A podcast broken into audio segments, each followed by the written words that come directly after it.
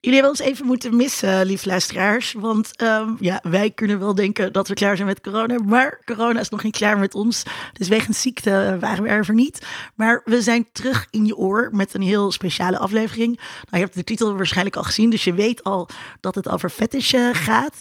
Um, Vincent en ik waren eigenlijk vergeten om aan het begin even onze verwachtingen op te nemen. Uh, en achteraf is ook zo'n beetje raar. Dus we gooien er gewoon meteen direct in Zwoel in je podcast over fetishcultuur. Deze podcast wordt mede mogelijk gemaakt door Code Clear. Duidelijk over websites en design.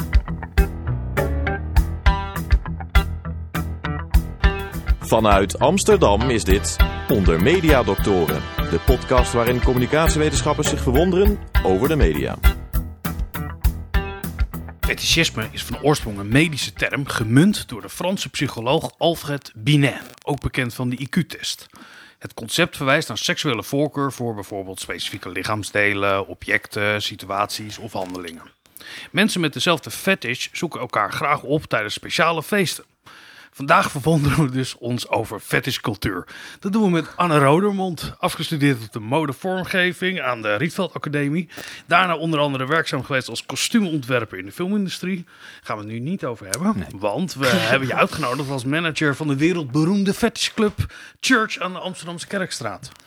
Anne, wat is dat eigenlijk een, een fetishclub?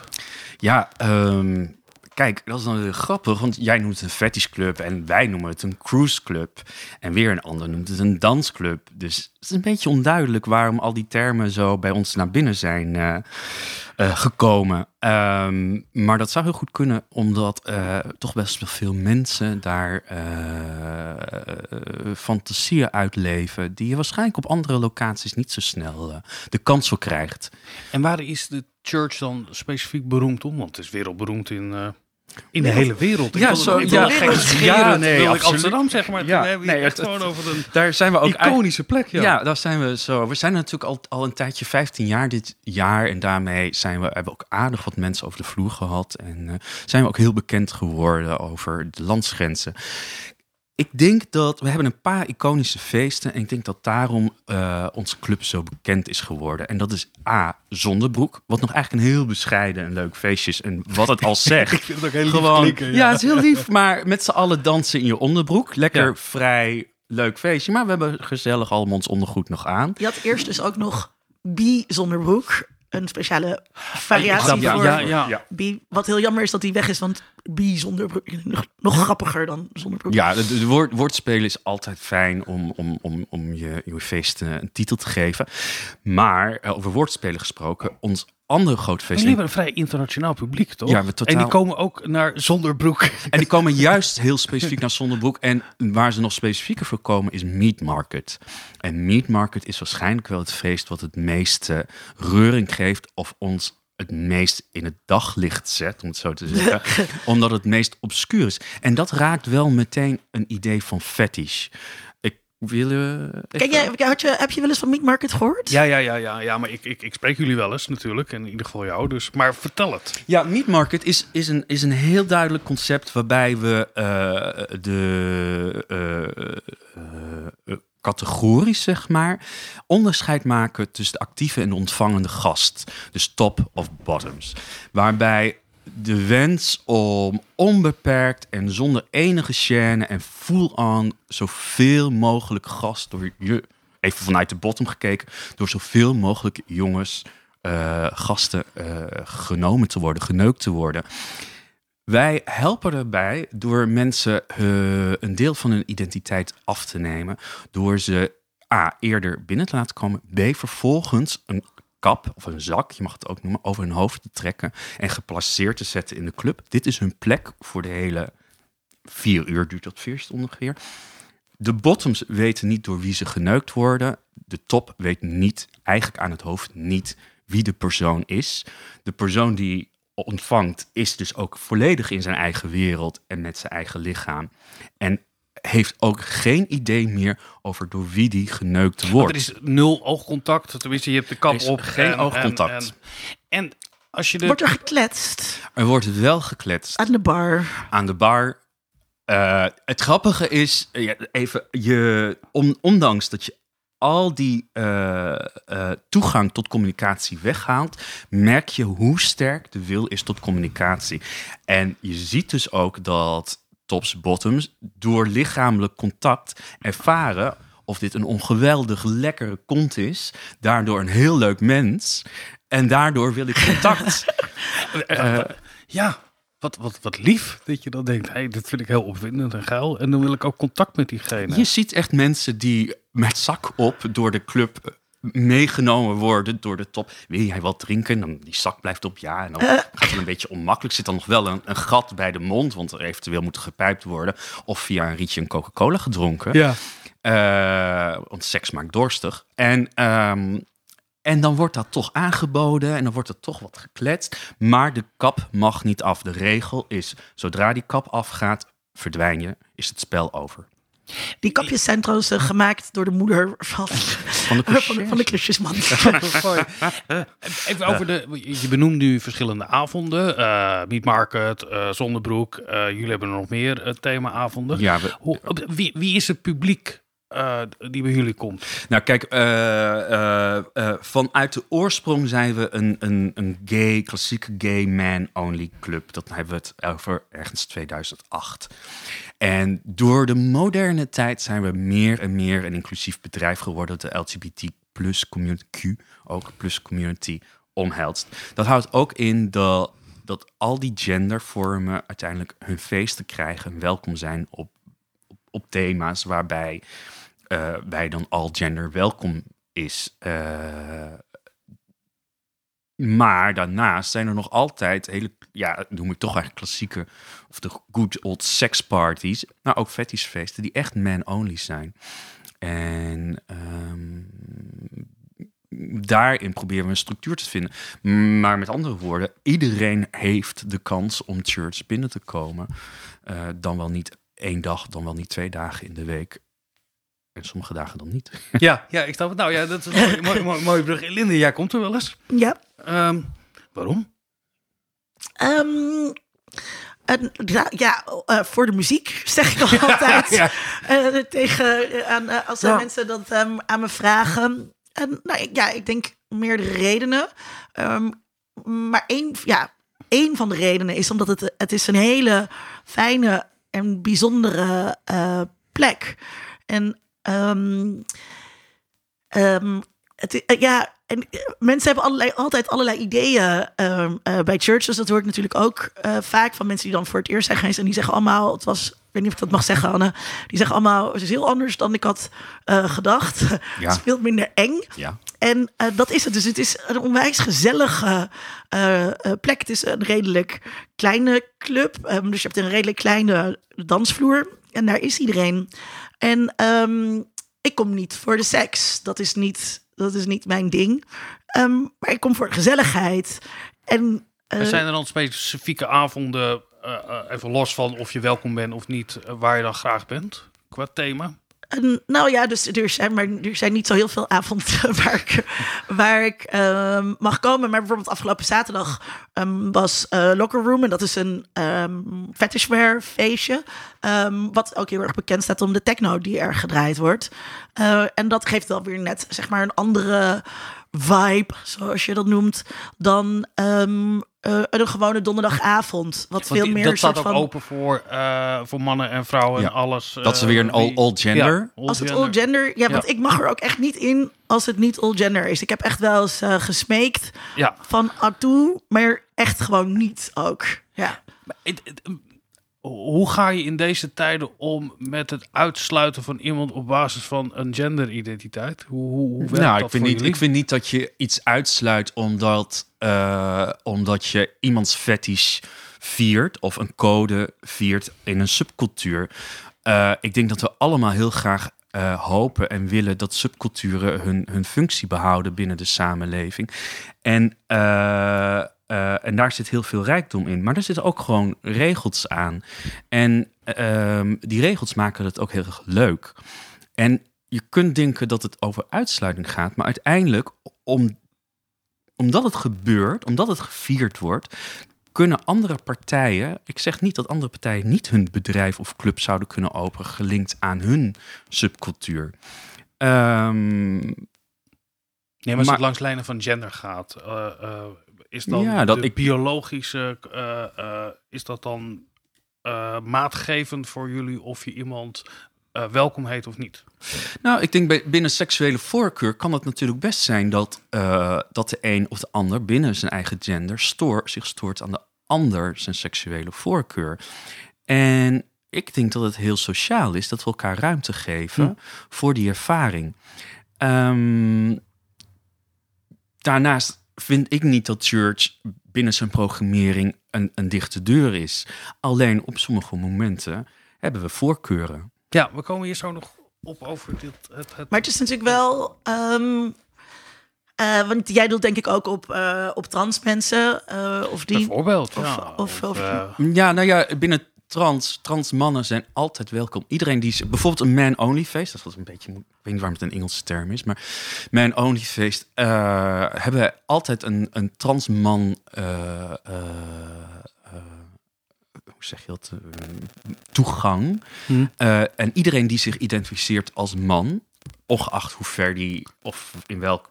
Hoe, hoe, hoe, hoe, hoe- welke transitie plaats heeft gevonden, of Ja. geen transitie plaats heeft gevonden, dat hij non-binary is, heeft toegang. Daar maken we geen onderscheid. Terwijl Ja, je nou en- nooit weer zeg maar anti-trans mensen op Twitter hoort van. Nou, maar dat betekent dat Linda Duits zich op zo'n avond gewoon eh, naar de deur kan gaan en kan zeggen: ik identificeer me als trans onder deze nieuwe wetgeving. Ehm, eh, dat, hoor- dat hoor je nooit. Is het wel? Het gebeurt het wel eens dat er ehm, mensen zich onder een soort van valse voorwenselen. Ja, dat vind ik dan weer een fetish. dus dat vind ik eigenlijk wel- wel. dan vind ik eigenlijk wel. Dan vind ik wel Dat, dat, dat je zit het er toch een groot verlangen in om daar te zijn. Omdat dat, nou ja, komen zo op. Maar als, als jij, je hebt de technoavond vertelde je. eh, ik neem aan dat je dan wel aan de huisregels en, en de dresscode houdt. Eh, ja, som- soms. Ehm, en dat, vind ik, dat vind ik dus altijd een beetje lastig. Ehm, want Waarom? Nou ja, kijk, ik heb, ik heb sowieso altijd heel erg het gevoel dat ik de gast ben in andermans eh, space. Ja. Ehm, ik vind het zelf helemaal niet fijn als er heel veel een soort van joelende vrouwen op de dansvloer zijn die de ruimte komen innemen, zeg maar. En dat is natuurlijk wel iets wat je gewoon best wel vaak in gay ruimtes ehm, ziet. Ehm, eh, dus daar, daar probeer ik altijd heel erg voor te waken. Dus je probeert ook wel mee te doen. Maar tegelijkertijd is het niet eh, mijn fetish. En ehm, dus ik probeer me een beetje aan te passen ehm, met wat ik aan heb. Maar ik ga niet eh, in een leren outfit. ehm, ik steek me niet in een leren outfit eh, ter aanpassing. Ja. Ja. Maar je hebt wel. Maar ik trek wel. Ik, Het ik is wel trek niet het, pikant eh, wat je aan ik hebt. trek niet het. Ik, ja, ik, ik trek wel iets aan wat je associeert. Eh, wat je meer met seks associeert dan eh, wanneer ik. eh, Ja, je zit er niet in je... Naar de in je- in exit, je- in je- eh, ga. Ja, ja. Dat, want hoe, hoe ga je daarmee om?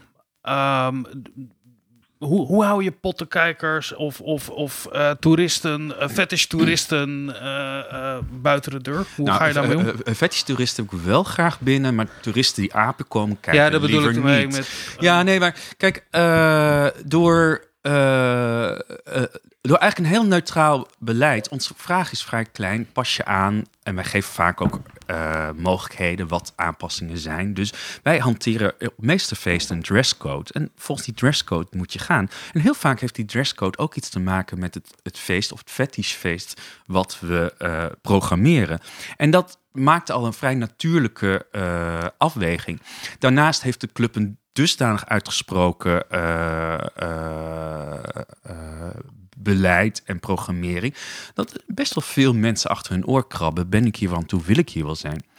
Ehm, en dan is er nog altijd een hele prettige portier die altijd even in gesprek erachter komt. Kom je nou toevallig even langs waaien? Ja. Of weet je eigenlijk waarom je hier naartoe wilt? Of weet je wat je te wachten staat? En dat kan altijd heel goed in de dialoog. En in de dialoog ontdek je ook wel en krijg je mensen ook wel mee in het besluit van ja, ik wil hier naar binnen of niet. Het is En dan- ook niet zo dat als je ehm, ehm, met een t-shirt aankomt zetten op, eh, op zo'n avond als locker room, dat je niet naar binnen mag. Eh, want ja, sowieso, je wordt niet aan de deur gecheckt op je outfit. Eh, want meestal trek je allerlei Uiteraard. kleren uit. ja, ja. En ehm, eh, Ja, ik vind, ik vind het dus altijd heel grappig als je dan mensen ziet die een beetje onwennig zijn en die misschien voor het eerst zijn en die dus soort van neutrale kleding aan hebben. Uh, want daarmee val je dus heel erg uit de toon. Um, en dat is dat, dus er zit ook een soort van. Um, uh, ja, zo werken dresscodes. Hè? Dus als jij naar een Halloween feestje gaat en jij bent als enige niet verkleed, uh, dan voel je je ongemakkelijk. Ja, uh, terwijl jij uh, thuis, nou ja, als ik nu even naar jou kijk, Vincent, dan had jij je heel ongemakkelijk gevoeld in een, in een verkleed kostuum. dat je denkt, dat ga ik niet aantrekken, ik doe lekker mijn eigen kleren. Maar op het moment dat je ergens bent waar iedereen um, dat wel heeft gedaan, ja, dan ben je die odd man out. Ja, zelfs als je naakt bent, in een hele grote groep naakt en jij bent omgekleed, die rollen gaan echt heel snel omdraaien. Ja, ja, nee. Ik, en, en, en, en, ik ben wel eens in kleren door de sauna gelopen omdat ik iets vergeten was. En toen realiseerde ik mij hoe ontzettend raar je voelt met kleren aan in een omgeving. Um, uh, dat, is heel, dat is buitengewoon en dat is heel, heel leuke link naar fetisje. Bijvoorbeeld op strand Zo'n strand maakt een hele natuurlijke ruimte tussen bijvoorbeeld de boulevard en het strand. Je, kijkt, je kijkt naar de boulevard, daar lopen de mensen allemaal in een boulevardkleding. En jij ligt op het strand, zij kunnen jou zien in je, in je, in je zwembroek badpak. Totdat de strandbal op de boulevard terechtkomt, dat jij hebt met je kleren. En opeens voel je je toch ongemakkelijk. Ja, tussen, zonder dat daar een grens is. Dat vind ik ook als je dan iets bij de strandtent gaat kopen, dan moet je iets aan. Dus ik moet dan of een topje aan of een short. Um, maar dan alleen in je bikini bij de bar staan, vind ik dan raar. Ja. Ik, ik heb heel lang uh, op de Wallen gewoond aan, aan de gracht. En toen kwamen er vaak van die grote speedboten langs. Uh, en daar zaten dan mensen in bikini of in een korte broek en zongebruind. En die gingen dan door de stad. Maar dat was dan, zolang je op die boot zat, was het schijnbaar de code dat dat wel kon. Maar op het moment dat je één voet aan wal zet, ja, dat is heel raar. Dan, dan wordt het, ja, ga jij maar eens in je zwembroek ja. erbij, korf naar binnen. Anne, we gaan even de, de, de wij pellen graag natuurlijk het concept fetish eerst uh, wat verder af. Ja. Um, als je de verschillende thema's en fetishes voorbij uh, laat komen in je hoofd bij church, ja. of, of, illustreren het graag. Uh, wat, wat, wat delen ze met elkaar allemaal? Hoe bezier jij dat? ze delen in de eerste plaats een community en een mutual understanding van het moment, de codes, de wensen omgeving, uh, de taal die gesproken wordt. En die is per fetish uh, op dat moment anders dan fetish, zeg maar fetish A, dan ten opzichte van fetish B. Uh, voorbeelden van, we hebben LEDs, wat een sportswear fetish is. En we hebben Spank, wat, uh, uh, nou, hoe zou ik het zeggen? Billenkoek fetish is. Dat is heel kinderachtig. Maar ja, echt over lekker... Jullie titels. Ja. Ik vind billenkoekfeestje ook een heel naast na zonder Ja, dat, ja, ja, dat, grote ja, billenkoekfeest. Ja, maar, daar, maar daar zit bijvoorbeeld... onder, onder Spank zit in bijvoorbeeld een, een, een, een, een daddy-son aspect. Kan daar uh, uh, tevoorschijn komen. En waarbij je een, een, een, een daddy, uh, als ik terminologie gebruik die mensen niet begrijpen, zeg het even. Inderdaad, bijna zeg maar in zijn ripcord en zijn trui binnen kan komen. En de son ja, waarschijnlijk iets schaarser gekleed. Zich een beetje moet ontdoen van zijn kleding. Maar bijvoorbeeld waar penetratie dus helemaal niet plaatsvindt. Het leidt niet tot, tot, tot echte, echt echt seks zoals we het kennen. Maar bij LED zie je bijvoorbeeld dat uh, uh, uh, trampling door de juiste sport, de juiste sportschoen, tot zeer grote opwinding kan leiden. Trampling? trampling is echt met, met sportschoenen op iemand staan of overheen lopen. Het gaat net hoe heftig je dat, dat, dat wilt of ervaart. Maar het kan ook heel erg bij het, het, blijven ruiken aan schoenen of het likken aan schoenen blijven. En, en dan moet, zoals die daddy misschien een ripcord in die trui draagt, moet dat een, een, goede sportschoen zijn van het juiste merk. Uh, waarop iemand helemaal wild gaat. En uh, die codes moet je wel begrijpen. Ja. Wil je uh, een goede, lekkere led zijn en wil jij aandacht krijgen van die andere led? Binnen de club, hè? Want jullie hebben wel verschillende ruimtes en je kan ook naar boven.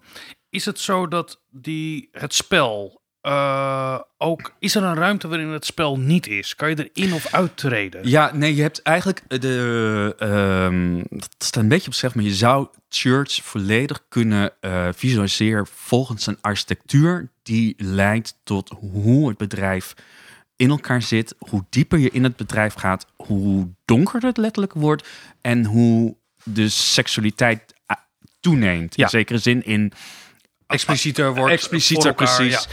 Eh, maar wij faciliteren binnen ons bedrijf dat seks overal kan. Eh, dus ook aan de bar.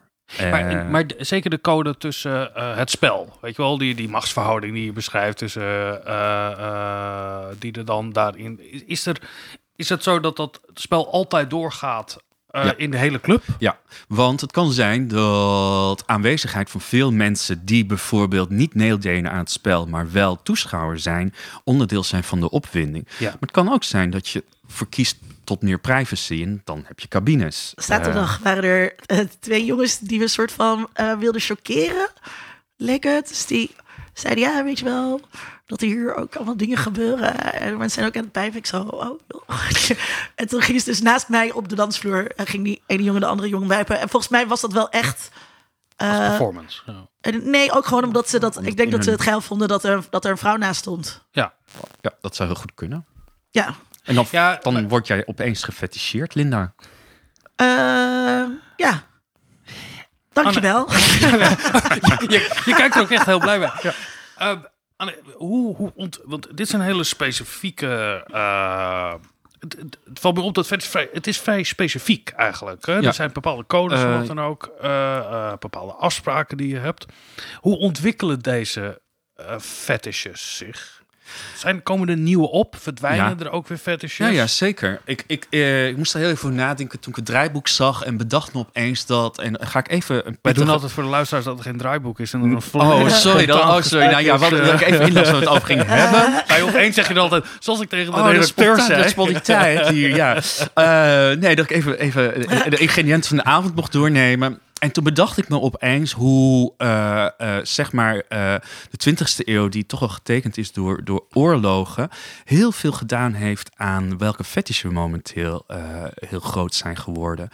En, en daar zijn bijvoorbeeld militaire kleding, militantheid, maar ook amputatie.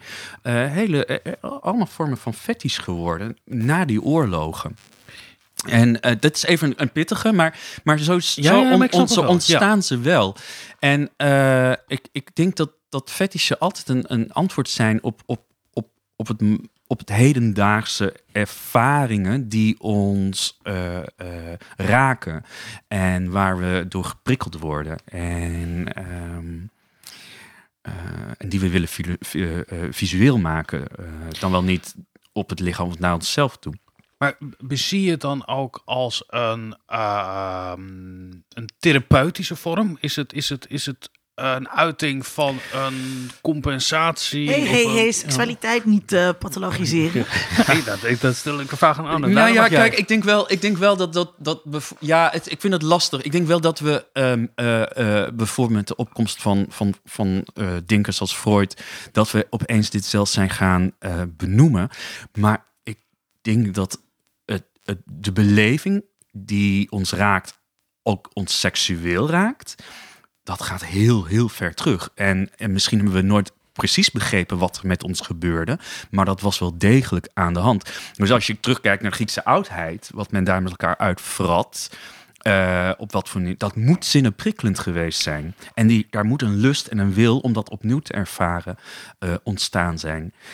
Men wist misschien niet dat dit per definitie psychologisch eh, een, een waarde had. Alhoewel, ik denk wel degelijk dat men dat wel Ja, wist.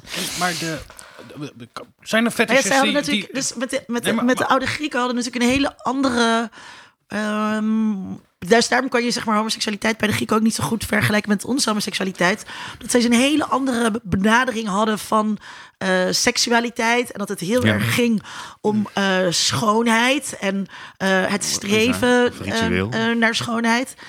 Terwijl wij eh, onze blik op seksualiteit is natuurlijk heel erg gevormd ehm, door de medische wetenschap en door de psychiatrie, die al die seksualiteiten zijn gaan klassificeren. In eerste instantie ook eh, als stoornissen. Met het idee hè, dat alles dat afwijkt van ehm, eh, ja, reproductieve heteroseks, vaginale penetratie, dat alles dat daarvan afwijkt per definitie eh, verdacht is. Want je bent niet de norm, dus je bent niet eh, normaal. En het geinige vind ik wel aan hoe. ehm, eh, want een aantal fetishen wordt nog steeds gezien als, als geestesziekte.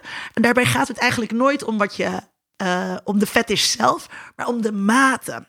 Dus dat was al, al, al heel snel zo. Dus op het moment dat jij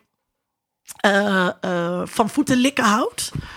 Dat is prima voor de psychiater als dat onderdeel is van voorspel en het uiteindelijk leidt tot vaginale penetratie. Op het moment dat dat eh, voetlikken de hoofdmoot is, Ter vervanging of ja. ja. dan is er iets mis met je. En ik vind dat dus eh zo veelzeggend als het, als het gaat over hoe we dus kijken naar eh fetish of perversies of, of hoe je dit wilt noemen. Dat het zo letterlijk gaat over het afwijken van, Ja. van die vaginale penetratie. En dus helemaal niet dat er gezegd wordt: het is raar als je eh, voeten wil likken. Of het is gek als je van satijn houdt. Nee, dat is prima. Maar jouw seksualiteit moet je wel beleven. ehm, eigenlijk zoals het merendeel eh, van de mensen. de, de- we noemen nu al verschillende voorbeelden. Ik wil gewoon heel Ja. concreet. wa- Waar komen deze fetishes vandaan? De, eh, zijn het trends? Eh want je be- benoemt de tijd. Eh, zeg je, je hebt het over ge- geamputeerd en militarisme. even- dat, de jaren steviger, 50. ja. Maar hoe, hoe zit dat in deze tijd? Welke trends zijn er trends? Nou ja, en hoe dit- dit- vinden ja, mensen elkaar die een specifiek verlangen hebben? Ja, ik denk dat het deze tijd is een beetje. Er is iets specifiek. Hoe zal ik dat zeggen? Er is iets aan de hand dat fetishen opeens in de bovenlaag of de bovenwereld terecht zijn gekomen, waar ze eigenlijk hun plek voornamelijk in de underground vinden. Uh, en eigenlijk denk ik, en dat is natuurlijk een beetje, het schuurt een beetje, want volgens mij was het nooit de bedoeling van menig fetish om zich zo collectief te uiten. Dat dat wel gebeurd is, dat is denk ik eerder een trend. En uh, je ziet natuurlijk um, uh, in, en dan ga, val ik even terug op mijn modegeschiedenis. Je ziet al heel lang dat uh, men seksualiteit is gaan uh, terugbrengen in, in de, zeg maar de, de commerciële wereld. Uh, uh, het sterkste voorbeeld is denk ik Madonna in de mid-jaren negentig met haar seksboek. Hoe Jean-Paul Gaultier haar onderkleding naar bovenkleding bracht. Uh, hoe zijn Charatel stond te dansen. Die, die specifieke fetish, seks, geseksualiseerde beelden, ja, maar dan, van een fetishcultuur. Ja, van, geleend van een fetishcultuur teruggebracht voor een heel groot ja. publiek. Wat dat ook kon kopiëren en daarmee ook een idee had dat, dat ze progressief was. Uh, emancipair. Uh, en dat zie je momenteel zit weer heel erg terug door. Uh, ik, ik, ik link het aan de uh, techno movement. Waar binnen deze groep heel veel codes uit fetish kleding gekopieerd of meegenomen worden op de dansvloer. Zoals bondage, uh, leer, rubber, kettingen, schaarse kleding, delen van het lichaam laten zien die normaal bedekt worden. en ik denk dat men heeft ontdekt dat daar een hele grote en plezierige wereld achter zit waarmee je kan gaan spelen. Maar of dit fetish is, dat vraag ik me af. En of de fetish het allemaal zo heel erg leuk vinden, vraag ik me ook af. Dus wij zag je in, in, in, in de gay danscultuur, zag je opeens de opkomst van het harnas. Als, en ik, ik weet niet waarom, maar hij, iedereen droeg dat vanuit een code. Ik denk masculiniteit. Het geeft sowieso een prachtig postuur aan, aan je schouders. Ja. Je ziet er echt forser uit. Het is een mooie, de, de beleiding geeft een mooi silhouet. En je houding ook natuurlijk. Hm? Het corrigeert je houding. Het corrigeert je, houding, maar ja. het maakt je ook het oogt ook echt wat je oogt ook echt wat breder en groter. En het zegt ook iets over ja, ik ben ook wel ruig. En ja, ik, ik begrijp wel dat er leercultuur is. Alhoewel het vaak helemaal niks met die leer, uh, leather, leather drag heeft te maken. Maar het is ook een goed instapdingetje, want het is ook niet het allerduurste. En dat kreeg een ongelooflijke vogelvlucht. Dus je kon eigenlijk bijna niet meer met je, zonder je harnas uit. En het werd ook, ik zag het ook weer terugkomen bij, uh, in, uh, in de rave-cultuur. en het grappige is dat ik op een gegeven moment nu merk, als ik om me heen kijk, dat het harnas verdwijnt. Maar Ja, Linda. in de bovenwereld, je gaat nu dus, je er zitten nu gewoon vrouwen bij koffietijd. En die hebben een harnas aan eh, Ja. over hun, eh, dus over deze trui. Ik heb nu gewoon een, Ja, ja, eh, ja, een ik- tricot ik- trui ja. aan. Eh, die hebben daar dan een leren harnas over aan. Eh, en dat, je ziet dus echt dat helemaal zijn, zijn vlucht nemen eh, naar, ehm, naar ehm, hetero's. En, en dus gewoon als een soort accessoire. Je, kunt, je kunt het bijna Eh, de trickle down heette dat toch in onze Ja. cultuur? eh, Ja, ik, ik, ik, eh, ik zag hem bij een ja. hele grote internetshop voor jongere mode. Echt een van de allergrootste, waar je hem ook gewoon kon kopen. Eh, als een kledings, eh, een object eh, om wekelijk om mee naar school te gaan. Ehm, ja, en dat is natuurlijk eh, eh, een heel interessant pad. Ja, maar Dus, dit, eh, dit kennen we ook uit de punk bijvoorbeeld. Hè? Die Ja, uiteindelijk ja, ja, klopt. eh, mensen met Che Guevara rondlopen Ja, klopt. en eh, daar geen idee van Ja. hebben. D- Maar die, Incorporatie noemt uh, Dick, Ja. Ja, Haptics dat. Het onschuldig, maken, het onschuldig maken van, eh, de een, oppositie. Hè? van, van een subcultuur Ja. door hem eh, te, te commercialiseren. Dat Ja. als het dus inderdaad bij de hennis ligt, eh, dan, dan verliest het zijn subversieve waarde. Ja. Heel praktisch, j- jullie eh, organiseren feesten of je, je creëert ook feesten rondom bepaalde eh, codes. Hoe bepaal je eigenlijk eh, wat we gaan doen? Hele goede vraag. nee, het is zo zelfs dat. Kijk, we zijn uiteindelijk, en dan moet, dat vergeten mensen wel eens, maar we zijn uiteindelijk een commercieel bedrijf. En wij hadden in, in de tijd echt wel. We hadden eigenlijk meer fetishen op de plank liggen, waar we feesten omheen creëerden. Maar we merkten ook dat, eh, eh, dat dit. Dat dit soms zo hartstikke leuk, maar zo obscuur was. dat de club maar met 20 man vol stond. Ja, Eh, en, en, en ja, dat daarin. Ja, dat, als je dan weet. eh, ja. en dat is dan wel. En dat was nog Ja. steeds super leuk en, en geweldig. Maar eh, dat, dat, dat, dat hakte er wel behoorlijk in op het budget waar wij de huur en personeel moesten betalen. En we hebben het ook, ik probeer het ook nog wel eens op een andere manier, waarbij eh, we op momenten dat de club dicht is, de club geven aan bepaalde partijen. No damage done, denk ik dan. En dat, daar sta ik ook altijd heel erg voor open. Maar in primetime uh, zaterdagnacht en zo doen we dat niet meer. Omdat ja, daar, daar kunnen we de huur gewoon niet van betalen. Ook al zou ik dat heel graag willen, maar dat... Maar je maakt, dat snap ik. Ik snap de commerciële overweging dat je een, een, een, een thema kiest waar je een groot genoeg publiek hebt dat je het op zaterdag ook vol krijgt. En dat zal op dinsdagavond een andere zijn dan op zaterdag. Ja. Maar zijn er bepaalde... Zijn er in de afgelopen tien jaar fetishes geweest die jullie niet meer faciliteren, bijvoorbeeld? Omdat Ja, ja. het publiek weg is. Welke Ja. waren dat dan? En, en Uh, moet ik even graven. Uh, Jax, uh, Twinks Orgie, uh, Stomp hadden we, hoe heette dat? Uh, of nee, Fight, dat? Fight Club. Fight Club. Dat is echt uh, uh, worstelen. Misschien moet je eens even uitleggen. Jax. Jax uh, was een jack-off party. Uh, waar uh, no lips below the hips was de slogan daar. Dus er, mocht, er werd niet gepijpt, niet geneukt, maar alleen afgetrokken.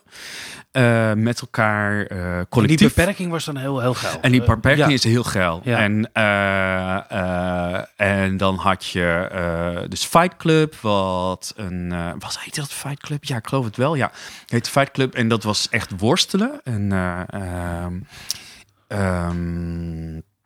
Ik moet even graven hoor. Uh, we hadden gewoon uh, Yellow Facts, heet dat volgens mij. PIS. Uh, nou, het liep ook terug. um, oh, dat doen jullie nu helemaal niet meer. Nee, nee.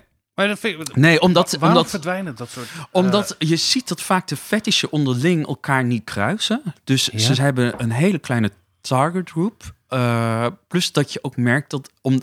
Kijk, ik, ik ben niet. Al die fetishen die ik nu opneem, dat zijn niet per definitie mijn fetishes. Daar gingen we ook niet ik, vanuit, ik, nee. ik, nee, ik maar... De club faciliteert Ja. uh, ruimte. En ik geef ruimte aan mensen die dat lekker vinden. En, um, en je ziet dat, dat, dat die fetishes elkaar vaak niet kruisen. Dus dat de een de andere fetish niet leuk vindt. Dus als je de fisters hebt, uh, anaal visten, die trokken echt niet dat daar ook de, de, de urine, de pissers er ook bij waren. Uh, de mensen, oh ja, dat, die is ook heel, uh, de, uh, de mondage mensen, die vonden de club bijvoorbeeld, omdat ze uh, heel erg veel waarde hechten aan hun touwen en hun middelen, die vonden de club te smoezelig. Die hadden zoiets, die vloer, daar loopt iedereen de hele week overheen, biervlekken. Dus die wouden hun, en die vaak, vaak hebben die hele mooie dure koorden van zijde. En hadden zoiets, dat, dat willen we niet. En dan keek ze ook naar ons plafond en dan kunnen we daaraan hangen. Dan zei ik, nee, dat is een systeemplafonnetje, dat gaan we niet doen. Dus die voelde soms beperkingen tot de ruimte en die, die haakte er ook af. Uh, wat ik echt veel begrijp. En, uh, omdat ze heel exact weten wat ze nodig hebben. En, en dat moet je wel kunnen faciliteren. En dat, ja, als je, als je, een algemeen, ja, als je toch een, uiteindelijk een algemene ruimte wil zijn, uh, dan, dan moet je soms inleveren op. En, en zie je dat mensen die ook een ontwikkeling doormaken door de verschillende fetishes heen? Jazeker. Uh, uh, vooral in de BDSM. Uh, ik kwam laatst nog heel even op het sekssalon te sprake. We hadden een BDSM-club in, in de club. En waarvan ik ontdekte inderdaad dat heel veel van het larven kwamen. Dus toen ze... Van het larpen? Larpen, pardon, ja, ja. larpen, ja. ja. Dus toen ze nog niet... moeten we dat even uitleggen, wat dat is? live action roleplay. Play. Jazeker, hey, ja. En uh, ja, daar zie je dat daar, daar, daar, daar treden jongere leeftijden, kunnen daar aan meedoen. En natuurlijk, op een gegeven moment word je volwassener, word je 18 en dan kan ja. seks daar een onderdeel van worden. Er wordt heel veel gesext onder larpers. Dat is een mega ding. Nou, ik, ja, ja, ja, ja, en schijnbaar vanuit het larpen komt op een gegeven moment dus de bondage om de hoek. Ik weet niet hoe dat precies. Ik, ik ben daar niet helemaal in thuis, maar het viel me op. Ja, het gaat over kleden en spel. Dus kleden en spel. Voor, en natuurlijk het ene. Uh, en, wat, en dat doen we natuurlijk eerst uit, uh, uit verkleeddoos. En later gaan we, uh, gaan we rolspel doen. En als we dan nog meer knowledge hebben, zie je opeens dat het rolspel, dat doktertje spelen, echt heel erg leuk is. Ja, dan kan kun je er een serieuze boel van maken. En, en zijn er uh, want je, je gaf wel aan dat er sommige combinaties gewoon heel slecht zijn. Je kan niet een, uh, een nou ja, dat in de BDSM. Ja, uh, dat, dat, dat, dat zo, zo, ja. Zijn er meer voorbeelden van uh, fetishgroepen die slecht of juist heel goed met elkaar gaan? Ja, natuurlijk. Dat is meteen logisch. Je ziet meteen dat de ladder drags en de lads niet op elkaar ingespeeld zijn. Dat zeggende, het kan best zijn dat een ladder drag ook een hele goede voetbalkit in zijn, in zijn garderobe heeft hangen. Ja, dat vraag me, is, is het een is het iets waar je ook in kan switchen? Dat je kan zeggen, nou, je nou, ziet... het, is, het is donderdagavond. Ik, ik, ik, ik weet niet precies. Ik, ik durf daar. Ik, ik, ik, ik denk dat onderling men switching niet per definitie als een doorgewinterde fetischist ervaren. Maar in de commercie, sorry dat ik het moet aanhalen, is er wel degelijk een grote switchcultuur. En heb je outfitjes voor elke fetish hangen. Mijn, mijn vrienden hebben uh, uh, voor alle avonden church uh, andere kleding. En, die, maar en, dat... en daar stemmen ze, daar, en dus Ja. daar stemmen ze Ja. het op af. Eh, en ehm, eh, voor, eh, voor zover ik natuurlijk, ik hoef niet alles eh, te weten waar mijn vrienden over fantaseren. Maar ehm, eh, eh, zij zijn helemaal niet met die fetishen bezig. Dus zij zijn bezig met eh, er goed uitzien. Ja. Ja. En, eh, en voldoen aan die dresscode. En dat is dus ook leuk. Dus het is ook wel iets ehm, eh, waar ik dus over nadenk. Dus als ik weet dat er veel mensen in het leer zijn, eh, dan trek ik iets eh, zwarts aan. Maar ehm, eh, eh, als het hoerenbal is, dan eerder iets rozes. Weet je wel? En dus zo, je, probeert je ook een beetje. Het is, het is natuurlijk ook gewoon best wel. ehm, die vermenging met wat, wat mode is. Of wat. dus niet iedereen op dat feest is daar een fetish aan het beleven. Ik weet dat wij in begin jaren negentig... eh, eh, Ook al kan het wel zijn dat zij voor andere mensen dan wel weer juist voldoen aan die fetish, omdat ze zich netjes aan die dresscode hebben gehouden. Ja, maar het, het- Ja. in de jaren negentig hadden we het over het verschil dik haptic over je had subculturen en dat was een hele lifestyle. Dat was je de Nee, nee, nee, hele, nee, hele bloody dag. Ja. Niet een lifestyle. Eh, niet een lifestyle. Juist niet, oh, juist niet een lifestyle. Niet een lifestyle, maar een subcultuur. Ja, en je had smaakculturen waar je makkelijker in kon. eh, zeg ik het nou goed? Ja, dus Eh, een subcultuur. ehm, hè, zeg maar als je punker was, punker was je de hele week. Dus je had die hanenkam ook op je werk. Eh, ja, eh, en dat was heel erg onderdeel van je punk-identiteit. En je kon niet zomaar ehm, switchen. En dat werd ook niet gedaan. Dus nee, dat ehm, is ook een verraad en disloyaal en, en, en een sell-out en wat dan ook. Ja, Is en, dat- dan, is dat ook- en dan zie je dus dat, dat die subculturen ehm, wat gaan verdwijnen. Dat het lang geleden is dat we de laatste echte subcultuur hebben gezien. Gabber. Gabber, inderdaad. Uh, waar je, wat je ook niet uh, zomaar van, uh, van dinsdag op woensdag kon veranderen. Nee, ja. en dat er veel meer inderdaad naar smaak, smaakstijlen zijn gegaan, lifestijlen. Emo's. Nou ja.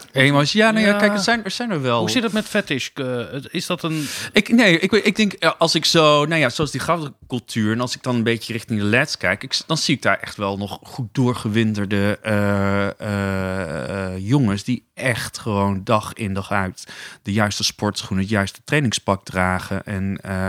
En daar heel erg hun beleving door de week meenemen.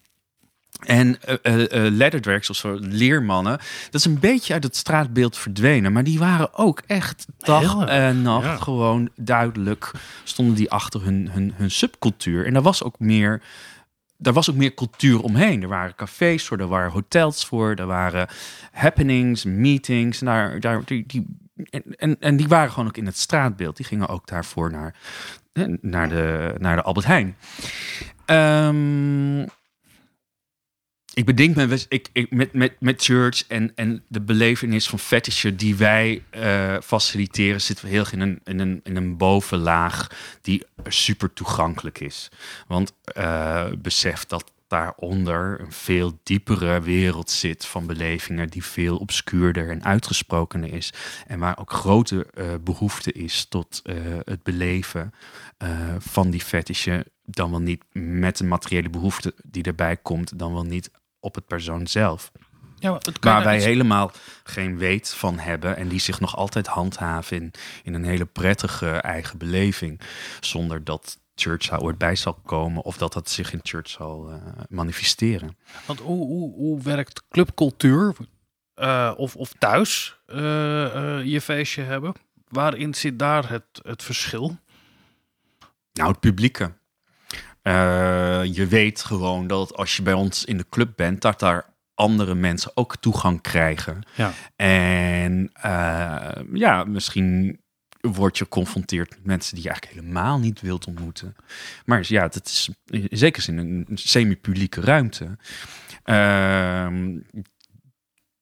dus dat sluit per definitie niet bij iedereen's beleving aan. Maar dat is juist ook spannend, toch? Dat je daar ook nieuwe gezichten kunt zien. Maar dat kan heel erg onderdeel zijn van, van of jij behoefte hebt aan toeschouwers, of, of, of graag in het publiek bent, of andersom, of gewoon het feest wil vieren. Of gewoon. Uh, uh, ik word heel gelukkig van uh, het, het, het om me heen hebben van een andermans uitspattingen en, en, en belevingen. En ik ben er altijd heel dankbaar voor dat ik dat allemaal wel mag zien. Want het mag ook niet altijd, hè? Want het is dus ook wel eens gesloten voor een andere partij. En dan word ik soort van wel toegelaten. Maar moet ik ook stilletjes achter de bar blijven. Oeh, um, je komt in oh, wacht, er, nog, er nog wat over zeggen. Dat, um, dat verdwijnen van, uh, uh, de, van die leernichten uit het straatbeeld bijvoorbeeld... Um, eh, dat, dat is ergens vind ik dat dus ook wel heel erg jammer. Want um, wat je dus nu ziet, is dat mensen gaan naar een locatie, naar een fetishfeest. En daar kleden ze zich om. En um, uh, in het. In het het is dat jullie nu zeggen dat ik me realiseer dat ik heel weinig leernichten zie. Dat, ik was me daar nooit van bewust, maar echt tot nou ja, tien jaar geleden zeg je dat. Je ziet nog wel eens een verdwaalde Duitse toerist die denkt dat dat. Uh, ja. Uh, ja. En, maar dat is, dat is jammer, want dat betekent ook zeg maar, dat je um, uh, het, het, zeg maar, het, uh, het claimen van dit soort identiteiten in de publieke ruimte verdwijnt daarmee dus ook. Er zit iets heel unapologetics in, ja, in, maar, in jouw, leer, uh, in jouw leerpak ja. naar de Albert Heijn gaan. En te zeggen, dit is, dit is wie ik ben, dit is, dit is mijn identiteit. En het is heel dat is iets heel anders. En dat is dus veel meer subcultuur. Dan wanneer je uh, zegt: Ik ga naar church. En als ik daar aankom, dan trek ik mijn leren broekje en mijn harnas uh, aan. En dat doe ik even makkelijk weer, uh, weer uit. Wat de, de, publiekelijkheid of de openbaarheid of de, de, de, de openheid van over spreken over fetishes ik kan me ook voorstellen dat juist het, het, het, het geheime, het heimelijke, eh, eh, een onderdeel is van wat een fetish cultuur eh, interessant maakt. Of, of hoe, hoe, hoe weeg Ja, je die twee? Ja, nee, ja, maar ze, ze bestaan allebei. Want de ene keer heb je heel erg het, het, het domein nodig. De failleur, publieke masturbatie, eh, eh, iets onder je kleding aan hebben, wat toch op je werk aan hebt, maar je collega's niet zien. Ehm, dus, dus heel vaak heb je, heb, je, het, heb je het publieke domein, om het zo te zeggen, wel nodig in, in een fetishbeleving. Eh, of nodig je mensen, ongeacht dat ze het willen, uit om eh, onderdeel te zijn, omdat je ze choqueert. Ehm, en anderzijds kan het zijn dat het inderdaad heel obscuur in een kelder moet plaatsvinden, waar jij drie dagen vastgebonden ligt. Ja, dat, Maar als dat eh, eh, eh, veel gebruikelijker zou zijn, of mensen zouden daar, als je ook aan je die gekke dronken oom op de verjaardag zegt, ja, nee, tuurlijk, dat doen mensen, dat is hartstikke leuk. Neemt dat dan iets van het plezier weg? Zit Ik, ik, denk wel, ik denk wel dat we eh, moeten oppassen dat we eh, dit soort gesprekken niet te vaak gaan doen. En het vooral heel erg in. eh, Vertel niemand over deze Goeie aflevering, aflevering, beste ja. luisteraar. eh, ik- en, en dat men het, het, het, het voornamelijk heel erg lekker zelf moet eh, Ja. eh, vinden en uitzoeken. Het is heel gezond en prettig om iets voor jezelf te hebben waar een ander geen weet van heeft. En dan maakt het extra lekker en, en spannend. Maar dan komen we op een heel... Hoe leer je dat? Hoe, waar leer je hoe je je moet gedragen? Ik denk dat daar geen eh, wetten over zijn. Tenminste, niet voor je wat je zelf nodig hebt. We, hadden, Nee, Alhoewel- we, deden, we deden laatst een. eh, eh, ik organiseer dus ehm eh, één Club Church sekssalons.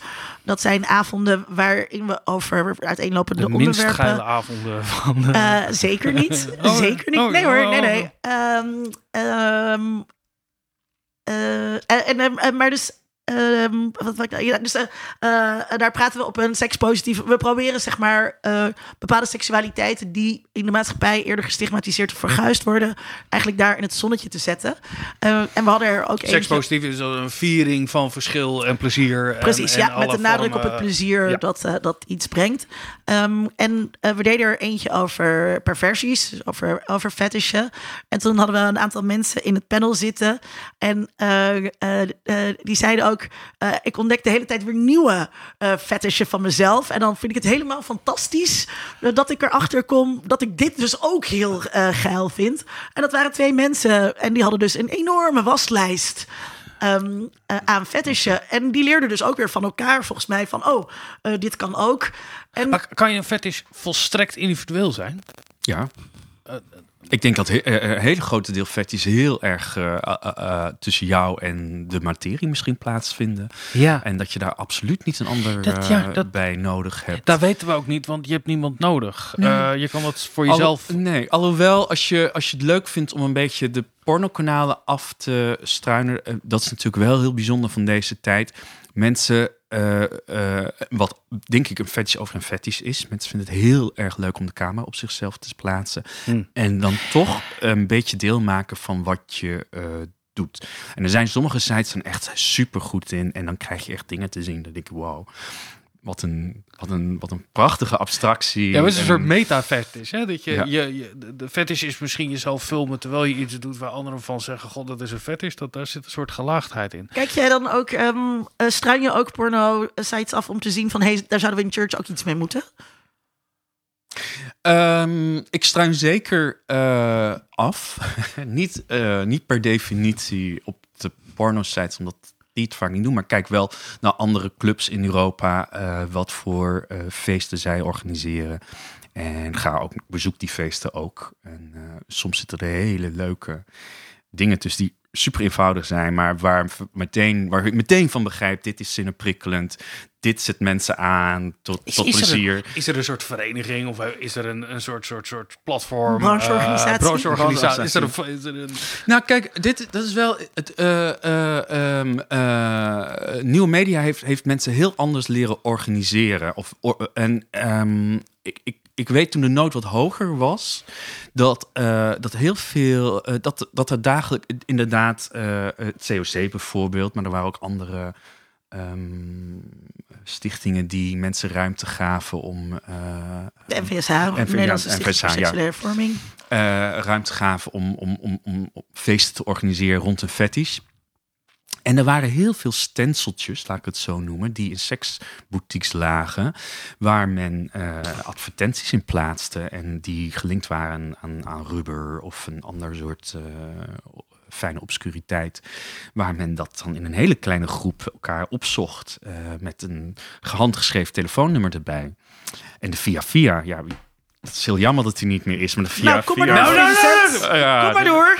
Nee, ik heb bij Via Via gewerkt en je had inderdaad bij de mededelingensectie de, de codetaal die er allemaal Oh, was, ja. die waren fantastisch. Die waren geweldig. Ja. En dat is, ja, ook, ook dat bes- besef je dat er heel veel taal en cultuur omheen zit om elkaar te vinden en te bereiken. Die, ik, ik weet niet hoor, ik ga niet uit. uit ik, ik ga niet weemoedig zijn of romantisch erover, maar ik, ik weet niet hoe ze nu per definitie functioneren.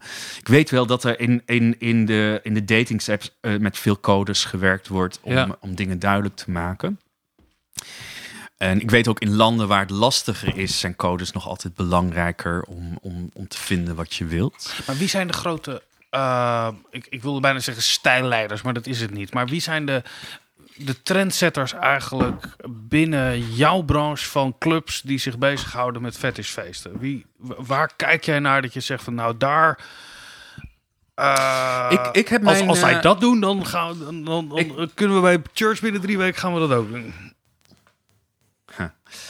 Oh, die is, ehm,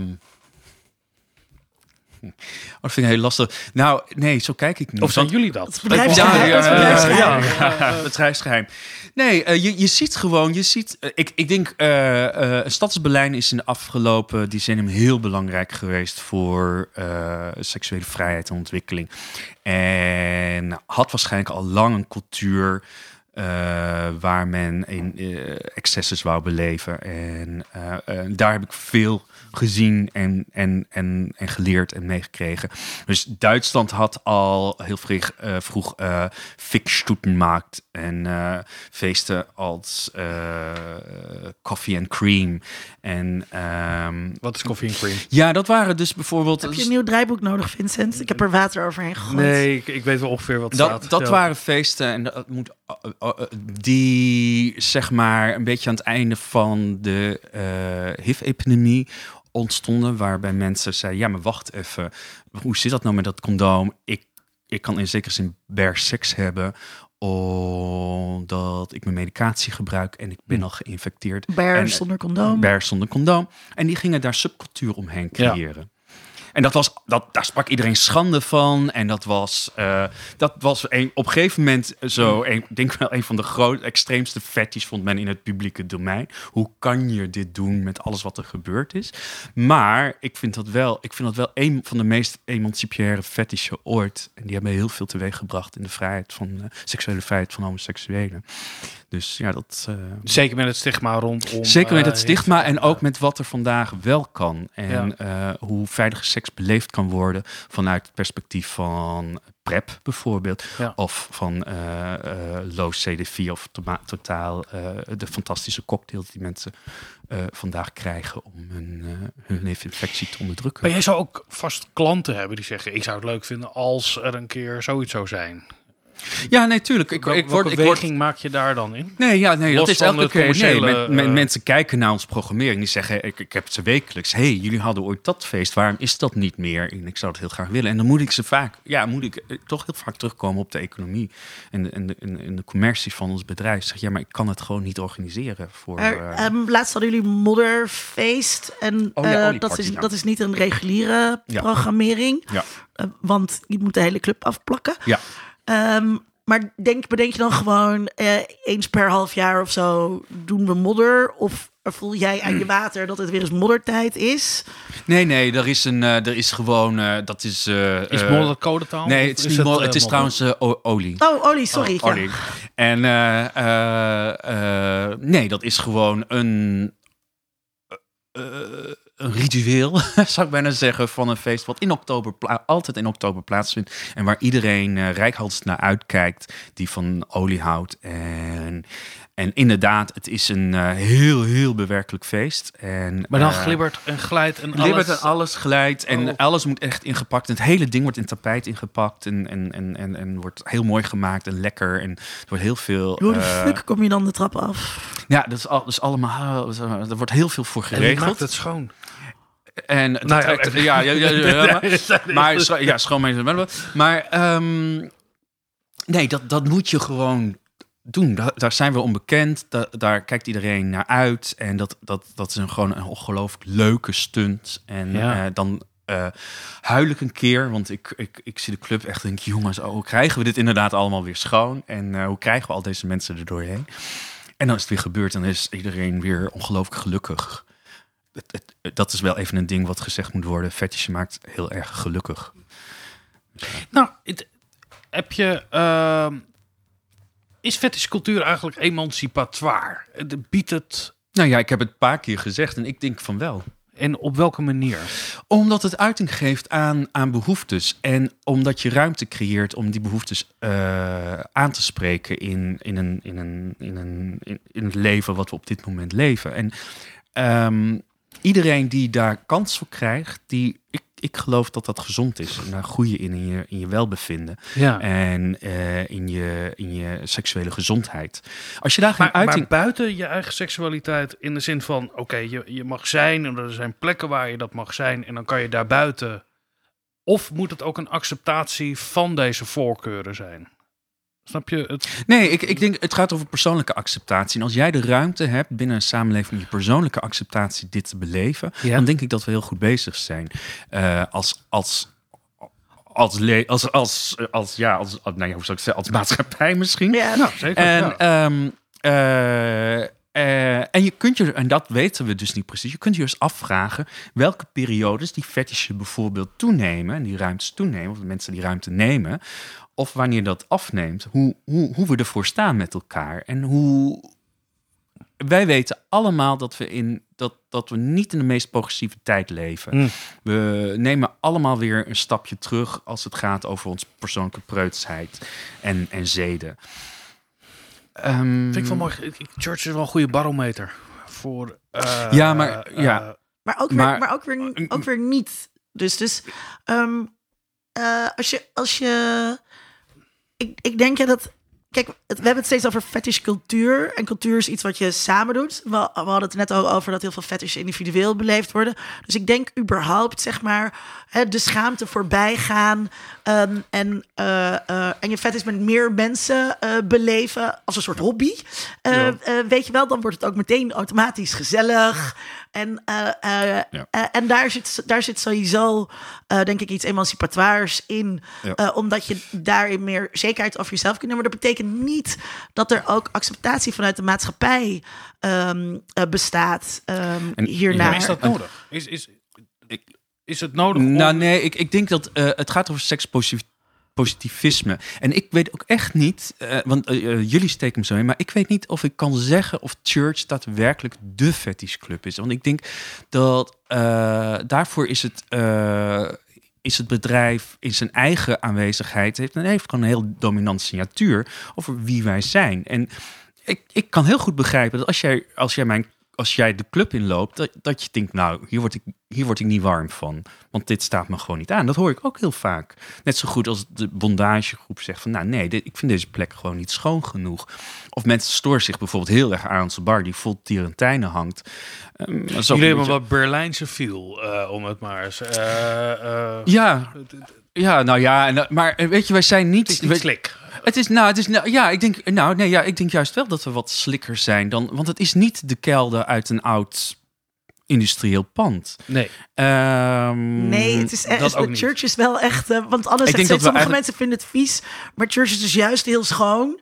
Ehm, en eh, eh, er zijn ook echt plekken die echt veel, veel. gewoon heel smoetsig Ja, ja, eh, nee, eh, zijn. en Maar ook gewenst Aan de andere kant heb je natuurlijk ook weer...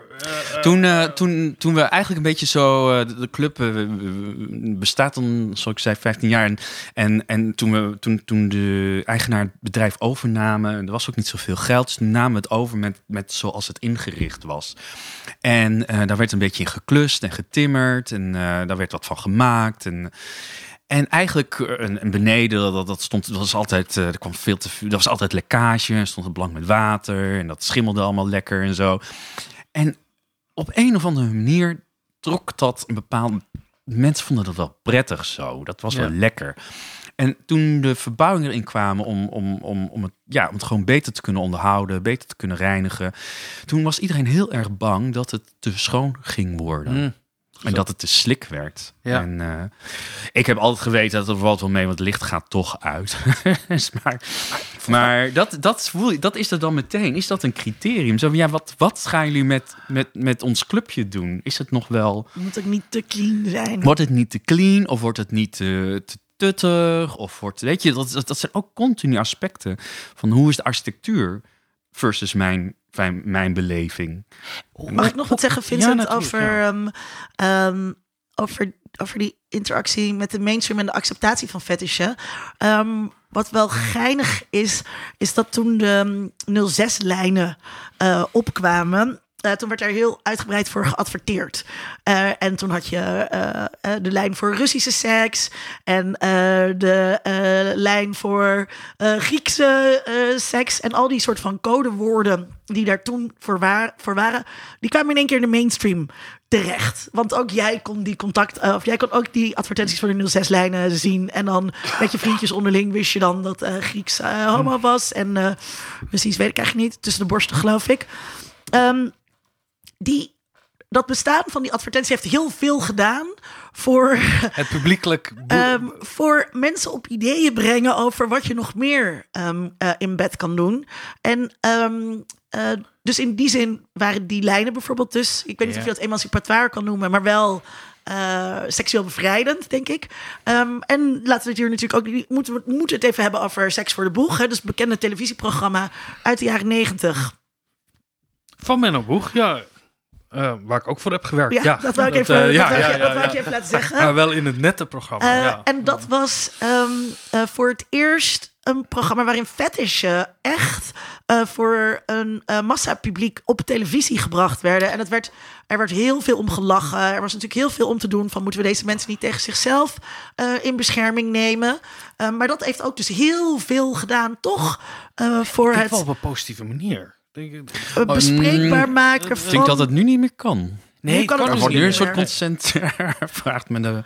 Nee, maar ik weet dat het team van Menno Boeg, de- de- die waren wel wat wij nu sekspositief zouden noemen. Weet je wel, Eh, dit, we moeten dit laten zien, want mensen vinden dit belangrijk. Allemaal gelul, want het was natuurlijk gewoon aantrekkelijk eh, om eh, laat op de avond toch nog een miljoen kijkers te hebben. Niet eens zo heel laat, hè? Het was echt om half elf. Half elf, ja. Ja, Half elf. dan, mocht, Ja. eh, dan mocht de porno aan op Ja. eh, dat soort kanalen. Ja. Of de softporno. Maar dat heeft dus wel... Dat, dat, ehm, dus aan de ene kant werden daar ook dus wel ehm, mensen uitgelachen. Eh, maar het, werd, het was ook heel, heel zinnenprikkelend. En eh, wat jij net vroeg van mensen, hè, hoe weet je ook wat er allemaal is of zo? Hè, van hoe, ehm, Ja. Dan helpt het dus ook wel als er representatie is. En die representatie zie ik dus nu heel weinig. Dus eh, je moet. ehm, eh, op, kijk, op porno-sites is er natuurlijk van alles. En je ziet dus een soort van mainstreaming van bepaalde fetishwear. Wat ik, wat ik net zei, bijvoorbeeld die eh, harnassen. Ehm, maar tegelijkertijd leven wij in een main, onze mainstream mediawereld is super gezuiverd eigenlijk van al, eh, van al dit soort dingen.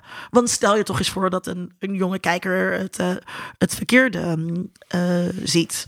En dus je hebt wat Vice documentaires over ehm, mensen die zich graag als, als knuffels verkleden. En dus over gekke... Nee, nee, ik, ik, ik ben Maar het is heel- het is heel denken, We hebben beperkt. dit vaker benoemd in deze podcast, dat in de late jaren negentig, ja, weet je, weer iemand die ging dan weer een, eh, een SM-kelder in. Weet je wel, je kon de televisie niet aanzetten of eh Catharine Kuil of All People eh, eh, hing in een tuigje.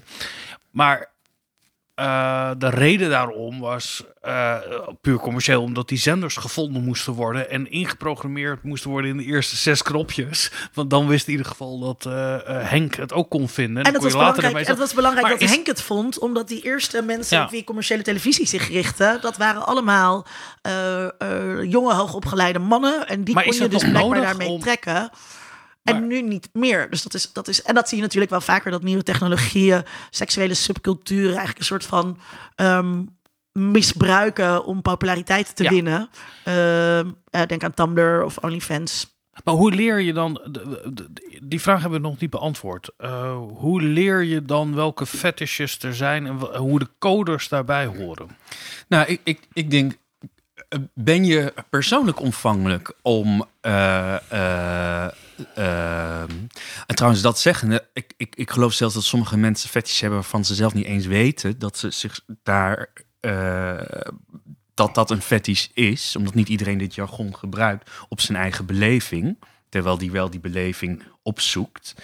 Ehm, dus dat, dat, dat Ja, zeggen ja, je, ja. kunt, je kunt daadwerkelijk hele, hele, hele eh, fijne dingen met jezelf doen of eh, opgewonden raken zonder dat, dat, dat dit hele jargon wat we hier op tafel uitspreiden, dat je dat hanteert. Of dat je zin hebt in dat hele jargon, want eh, we pathologiseren fetishen dus ook nog steeds. Precies. Ja. En, eh, maar toch even een antwoord geven.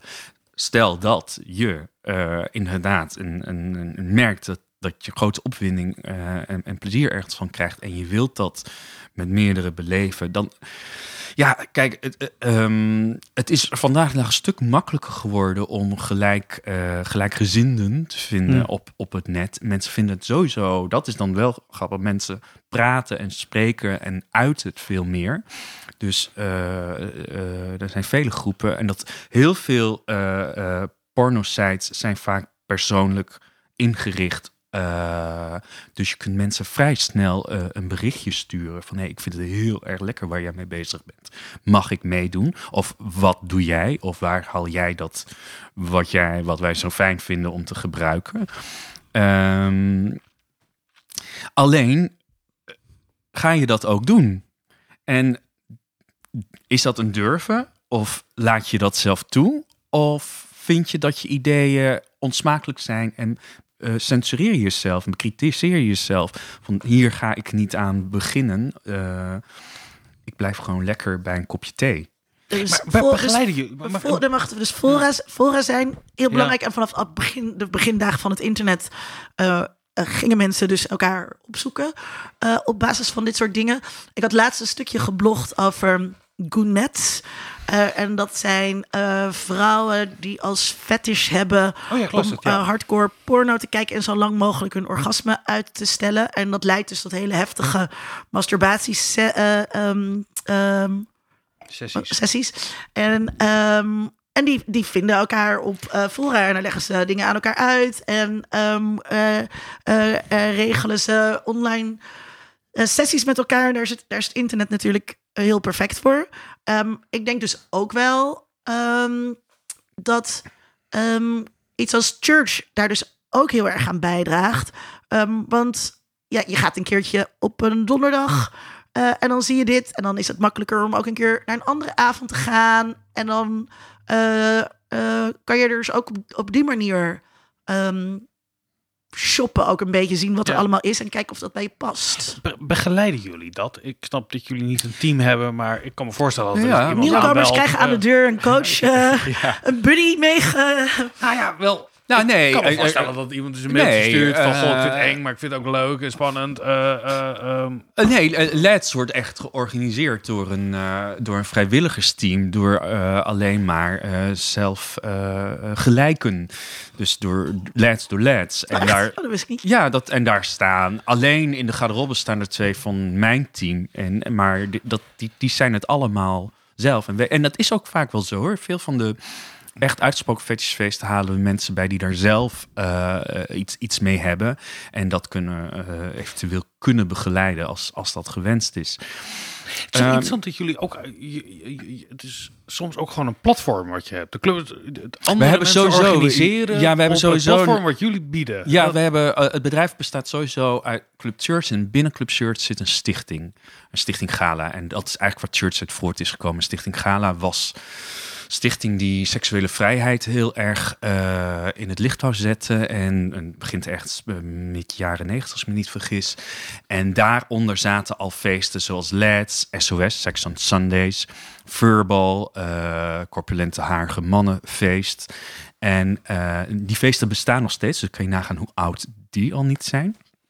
En, eh, en er was een beetje een reizend circus. Die hadden die feesten, die organiseerden ze ofwel niet in kraakpanden of in het COC of eh, zelfs op het Homo Monument. En eh, die popte hier en daar op in de stad. En uiteindelijk wou men heel graag gewoon een huis, om het zo maar te zeggen, een club waaronder al die feesten eh, plaats konden vinden. Ja. En die stichting die functioneert nog steeds. En Triple X Ladder is daar bijvoorbeeld ook nog. We hebben altijd nog een, een, een gelukkig een, een leerfeest staan op een zondagmiddag. Dus, en wat ook echt alleen door ladder, eh, leermannen, ladder Ja. drags wordt georganiseerd. Hoe gaan jullie eigenlijk om met ehm, de- het vraagstuk rondom consent? Wat steeds prominenter eh, een rol heeft gespeeld rondom seksualiteit. Hoe, gaat, hoe speelt dat een rol bij jullie? Of speelt het geen rol? Niet op, Eh, ehm, nou, kijk. eh, ja, ja ik, ik moet altijd Ik beginnen. moet- sorry, ik moet lachen. Ik moet lachen omdat ehm, eh, we deden laatst een avond over groeps, eh, een sekssalon over groepseks.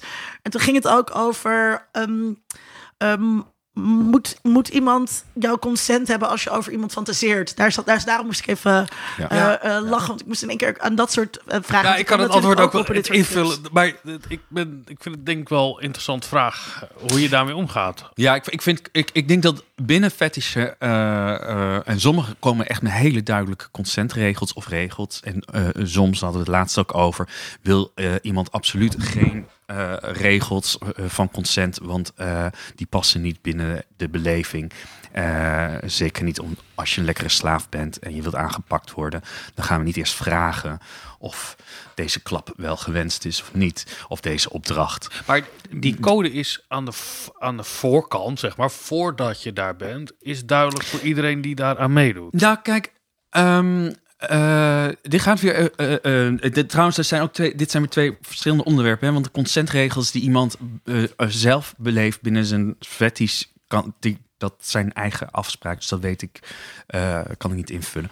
Consentregels die in church handhaven, komen voort om, omdat we een publieke omgeving zijn waar we moeten zorgen eh, voor alle gasten. En daarin moet, moet je gewoon een regel plaatsen waar we ons allemaal veilig bij voelen. Veiligheid sowieso in ons bedrijf staat bovenaan. En juist in ons bedrijf zijn we eh, daar heel erg bewust van wat, de, wat dat inhoudt en waarom mensen daarom eh, bij ons naar binnen uiteindelijk toch durven te gaan Ja. en hun beleving durven te vieren omdat wij een veiligheid garanderen. Dat is een hele lastige. Dat blijft lastig. Zeker in een tijd waar consent gewenster wordt en een, een, een, een, een, een, eh, bijna een culturele eh, expansie aanneemt. Eh, maar men vergeet wel en dat vind ik heel jammer, dat eh, wij echt, eh, ik, kan niet zeggen dat we geïnstitutioneerd zijn, maar homocultuur komt wel met heel, een hele lange geschiedenis van seksuele regels die plaatsvinden in darkrooms, in die clubs, wat we met elkaar beleven, in cruise areas. En die zijn niet van gisteren op vandaag ontstaan. Die gaan al terug tot, tot, tot midden vorige eeuw en nog veel vroeger. Mhm. Over hoe wij eh, eh, met elkaar omgaan in, in deze om- plekken. Ik bedoel, vergis je niet, hè? Church bestaat nu, maar er zijn heel, ehm, er zijn heel veel van ons soort clubs voor ons geweest. Die, eh, en, en eerlijk is eerlijk, nog veel uitgesprokener waren en, en, en, en echt van aanpakken wisten. Eh, Church bestaat juist nu nog omdat het zo ongelooflijk eh, verdwenen is. Ik denk En, dat. ehm, eh, ik vind dus zelf ehm, het gesprek wat ehm, eh, eh, over consent gevoerd wordt, zeg maar, in het publieke debat, vind ik heel benauwend en heel eng. Want we gaan uit eh, van eh, eigenlijk een soort conservatieve, bijna christelijke opvatting eh, van, van seks. Waarbij seks gezien wordt als een soort van product.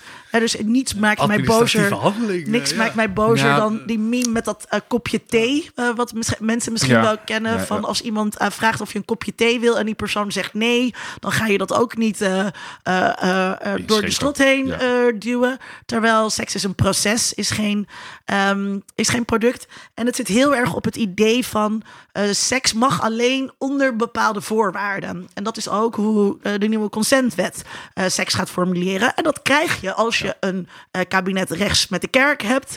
En je laat hen nadenken over hoe maken wij seks veilig. Dan creëer je dus, eh, dan maak je dus seks veilig door het eigenlijk liever niet te doen. Eh, door van seks een mijnenveld, mijnenveld te maken. Terwijl ehm, waar ik dus heel erg voorstander van ben, eh, is om te gaan kijken bij groepen die dus al veel langer met consent bezig zijn. En dat zijn bijvoorbeeld mensen die eh, aan cruisen doen. Of dat zijn mensen in de BDSM. En die hebben hele andere, Ja. ehm, eh, geven hele andere betekenissen aan consent. Die veel waardevoller eh, zijn dan. ehm, eh, ehm, waar, we, waar we nu heen gaan. Van je moet een soort vooraf ja hebben. Al was het maar om eh, de vraag. Wanneer begint, wanneer begint seks? Kan- eh, dus dus ehm, en wat je, wat je, wat je ehm, en in plaats van dat dat dus gebeurt, hè, dus in plaats van eh, eh, dat de maatschappij ten rade gaat bij mensen die verstand hebben van eh, seks en consent, zie je dat het tegenovergestelde gebeurt. Dat ehm, mensen die er geen verstand van hebben en die dus hun stomme simplistische regels tot wet willen maken, vervolgens ook willen gaan bepalen hoe mensen in church seks mogen hebben. Ehm, ehm, of hoe. Eh, of, of de BDSM-scene bijvoorbeeld verdacht eh, proberen eh, te maken. Dat is, dat, is, dat is de totaal verkeerde manier. Ik ben, heel, ik ben heel bang dat de club, en dat is al, al gebeurd, en eh, dat wij een, een, een vignet of een etiket op een voordeur moeten plakken, dat wij consent eh, eh, leveren. Ehm, eh, en dat kan niet zo zijn, want dan krijg je straks wat je met de eco-keurmerken ook hebt. Kun je duizenden merken ergens opplakken, maar je weet niet wat erachter zit. Eh, want ik, ik faciliteer nog altijd een, een, een, openbare plek waar, waar toch heel veel verschillende soorten mensen bij elkaar komen. En ik denk dat het eerlijker is dat we maatschappelijk een dialoog blijven houden over hoe we met elkaar omgaan, dan dat we dat achter een etiket gaan plakken en daarom denken van nou, dan is het dus goed. En ik vind ook niet dat het onze taak is als Is, het wel zo'n vraag geweest bij jullie? eh, Ja, die bestaan. Nee, nou, ja, ja, eh, tuurlijk. En, ze, eh, en ook de labels bestaan al. Er zijn al eh vignetten die je kunt krijgen, waardoor je. een- En vroeger had je. maar dat is een eh, soort van vooraf afkopen, wat niet Ja, eh, afgekocht kan raar? worden. Maar ik kan me voorstellen, omdat jij daar... eh, jij draagt de verantwoordelijkheid voor wat er gebeurt in de club. Als Ja. iemand dan gaat klagen en die zegt van dit is mij overkomen. Maar dat is juist. nou, mag, mag ik kijk, hier even iets over zeggen? Want, gebeurt nee, nee, er- is- is- nee, lu- luister. Want ik kom daar en eh, op het moment dat ik ehm Er zit betast opeens een vrouw aan de bar. Ja, nee, maar op ja, het nee, moment, bijvoorbeeld die. Ja, ja. nee, maar op het moment dat ik betast word, ehm, eh, dan ga ik naar de portier. ja. En die flikkert die persoon er gewoon uit. Eh, eh, en Ja. eh, op het moment als ik in een hetero-club ben, waar ik dus om dit soort redenen liever niet ben, ehm, dan gebeurt dat niet. Dan is die portier niet vindbaar. Dan interesseert die portier het niet zo eh, eh, heel veel. Dus juist. Ik, geloof, Ehm. ik, ik, ik, ik snap dat de norm, eh, eh, eh, dat het bewustzijn heel groot is. Maar mijn vraag is, het, lijkt me heel moeilijk als iemand zich boos maakt van, god, er is mij iets overkomen Ja, ja, hier. Ja. Dat jij, je kan niet overal zijn en die Nou. coders die zijn ongeschreven. Deels, deels en deels probeer je eh, weerbaarheid te ontwikkelen in, in je bedrijf. En eh, je kunt wel degelijk een gevoel overbrengen van weerbaarheid, veiligheid. Eh, dat gaat heel erg over train je staf. hoe kies je mensen in je omgeving? Wie staat er aan de deur? Ik heb heel veel gesprekken met de mensen waarmee ik werk dat ze eh, een zekere oplettendheid hebben, een openheid, geen vooroordelen, eh, luisteren. eh, en anderzijds dat gasten ook heel duidelijk voelen en zien dat je naar ons toe kunt komen. Ja. Mijn personeel, en ik heb ook vast personeel, het is ook echt een groep, die staat heel dicht bij de gasten. En dat voel je ook, dat zie je. Dat, ik kan dat niet meteen uitleggen hoe dat werkt. Maar dat is een Maar deze Dat- mensen zijn gewoon in dienst. En, en Die zijn in dienst. Ja, dat lijkt En, al, dat al eh, vind ik een heel mooi punt. Dat je continuïteit hebt. En, Eh, kon- eh, ja. en dat is, mijn, dat is meer mijn ding. eh, maar dat is, dat is groot. Dat is iets, iets meer hoe ik naar clubs kijk. En, en, en clubs moeten er echt voor waken. Je ziet het steeds minder. Clubs halen nu bijvoorbeeld pools binnen van mensen die één avond en die in een club werken, een ander Ja. in een andere club. Ik begrijp dat dat werkt. Maar ik denk dat als je community hebt, is het heel belangrijk dat je personeel deel is van die community. En dan zie je elkaar en je begrijpt meteen, oké, jij begrijpt mij, ik begrijp jou. Ja. Dit is hoe we het doen. En zo voel ik me hierover. En het Of- is, dus, het is dus ook zo ehm, ehm, dat ehm, mensen komen dus eh, ehm, eh, op een bepaalde fetishavond kijken of mensen komen in church eh, kijken, zijn ook eerst de kat uit, uit de boom aan het kijken. Precies om wat jij net zei, van zijn er regels, hoe word je daarin geïnitieerd, om te zien wat is, hoe moet ik mij hier ehm, gedragen. En dat is totaal ander. Ik word, ja, dus ik vind, ik snap wel dat je die vraag stelt, maar ik vind hem ook heel irritant. Ehm, eh, Nou, we hebben hem samen voorbesproken, Linda. Dus we kunnen dit voorproces... eh, eh, nee, ja, maar, dus, nee, maar ik denk dat het dus heel belangrijk is om dat dus, om dat dus te zeggen. Dat, dat is er dus allemaal niet met hetero uitgaan. Om, het, om het even zo te zeggen. Daar ehm, zijn mensen veel minder aan het kijken van wat is hier acceptabel. Maar die doen gewoon al, allerlei dingen. En daar gebeurt dus... eh, ik wil niet zeggen dat er geen grensoverschrijdend gedrag plaatsvindt eh, in de gay. Maar ehm, er is veel beter nagedacht over. Of mensen zijn veel beter aan het nadenken. Wat is eigenlijk het verschil tussen de dansvloer en de darkroom? Ehm, en dat is niet hetzelfde. Nou ja, sommige mensen in de bar dancing. eh, die doen op de dansvloer wat, wat ehm, hier in de darkroom gebeurt, zeg maar. Weet je, dus... ehm, eh, ik vind het dus juist een plek waar veel meer over consent wordt nagedacht. En waar veel meer een soort van veiligheid op dat vlak is. Eh, zonder dat je dat, die notie van een safe space moet overnemen. Wat we nu een beetje een soort van aangepaard krijgen. ehm, eh, waarin, eh, waarin het dus wel zo is dat als iemand zich aftrekt eh, en fantaseert over jou, dat mensen zeggen: ja, dat vind ik niet prettig. Terwijl Ja, mensen, ja, fantasie is vrij, hè? krijgt- kan kijk- je nooit voorkomen. Ehm, je hebt als een uitglijer, laat ik het zo zeggen, dat, dat mensen een gedachte hebben omdat eh, safe space en, en consent nu opeens een, een, een, een, een, groter ding is geworden. eh, daar volop gaan dat church dat eh, helemaal kan faciliteren. En, en, en, en je ziet dat dat gewoon wel eens botst tussen wie, ja, als je dacht, ik ben eraan toe.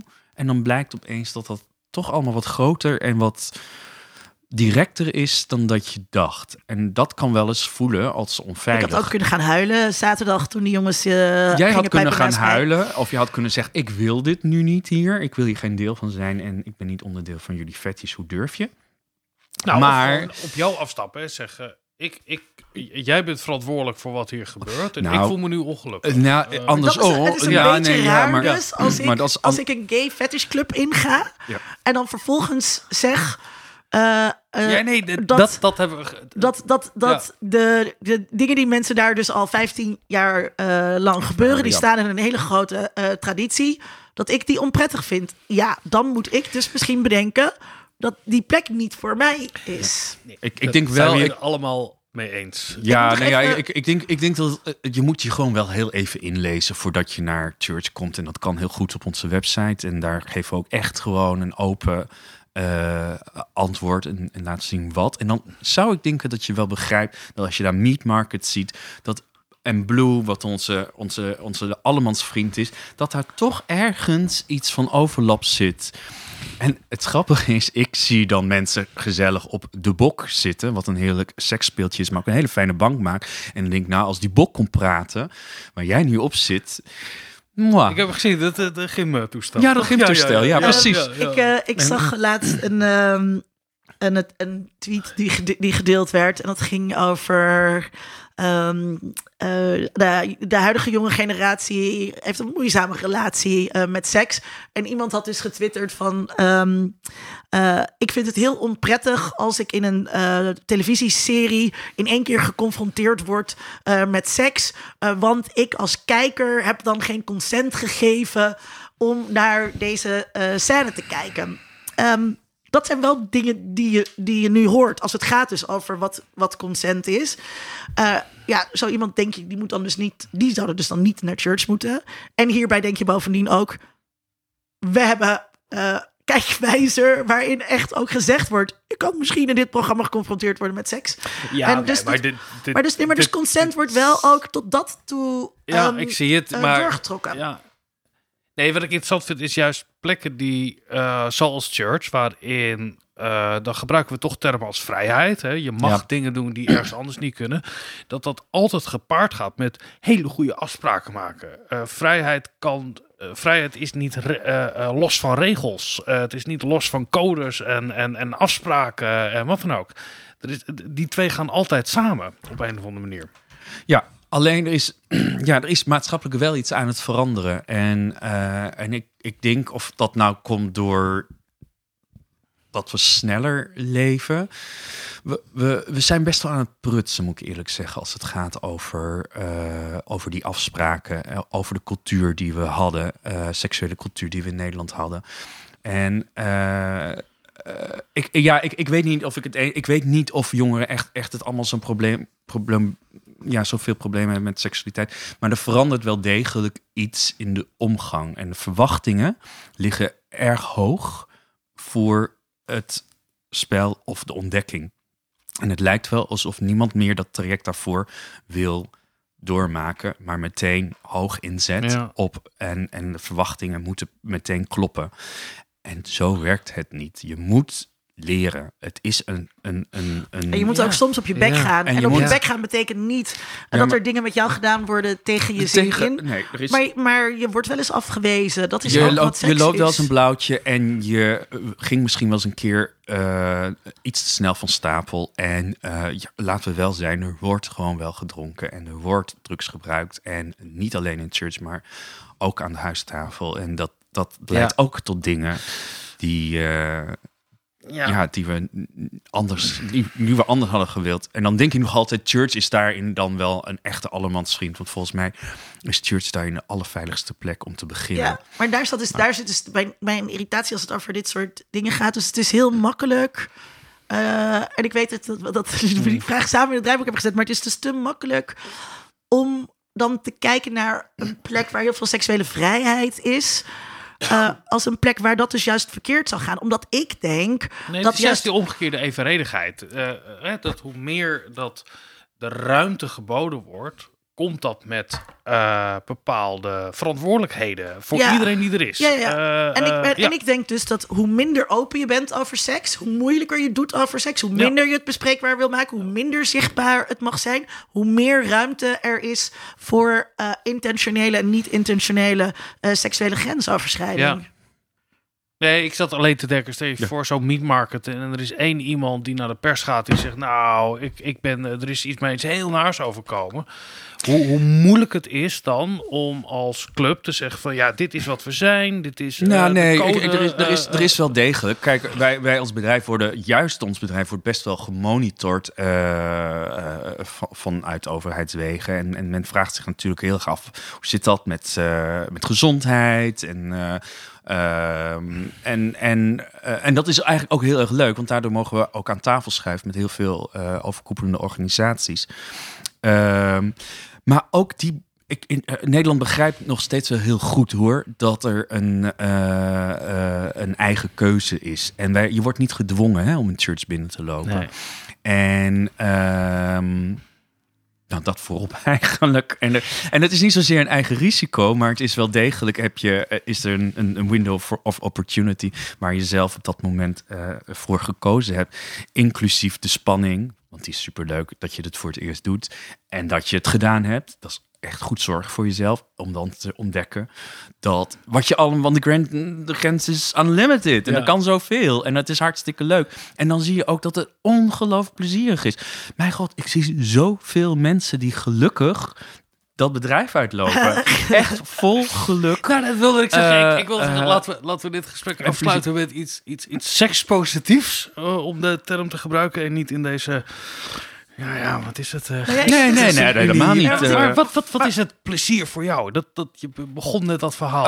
Eh, dat- seks is een hele fijne eh, eh, manier eh, om een dialoog te beginnen. ja, maar dat is, en- de, daad- dat is de vetje, maar als bedrijfsleider daar. Eh, jij draagt bij voor heel veel mensen die daar plezier aan beleven. Hoe, hoe, Nou, dat plezier. Mensen die plezier hebben, maakt echt gelukkig. En als Ja. je daar eh, eh, dan wel niet een beetje van de kantlijn. eh, eh, of nee, laat ik het anders zeggen. Dat je daar de producent van bent, is natuurlijk nog een keer zo leuk. je, je doet het meer dan alleen maar geld verdienen. Want de, de, Oh, jij de mij- bedrijfsleider eh, bij de Heinekenhoek eh, die gebouwd nee, wordt. maar, maar kijk, dat, dat, dat is sowieso, dat, dat, dat staat in een heel ander ding. Hè. Er zit gewoon een zakelijke structuur achter. En ik moet ook gewoon op kantoor zitten. En iedereen Ja. denkt elke nacht daar in mijn onderbroek rond.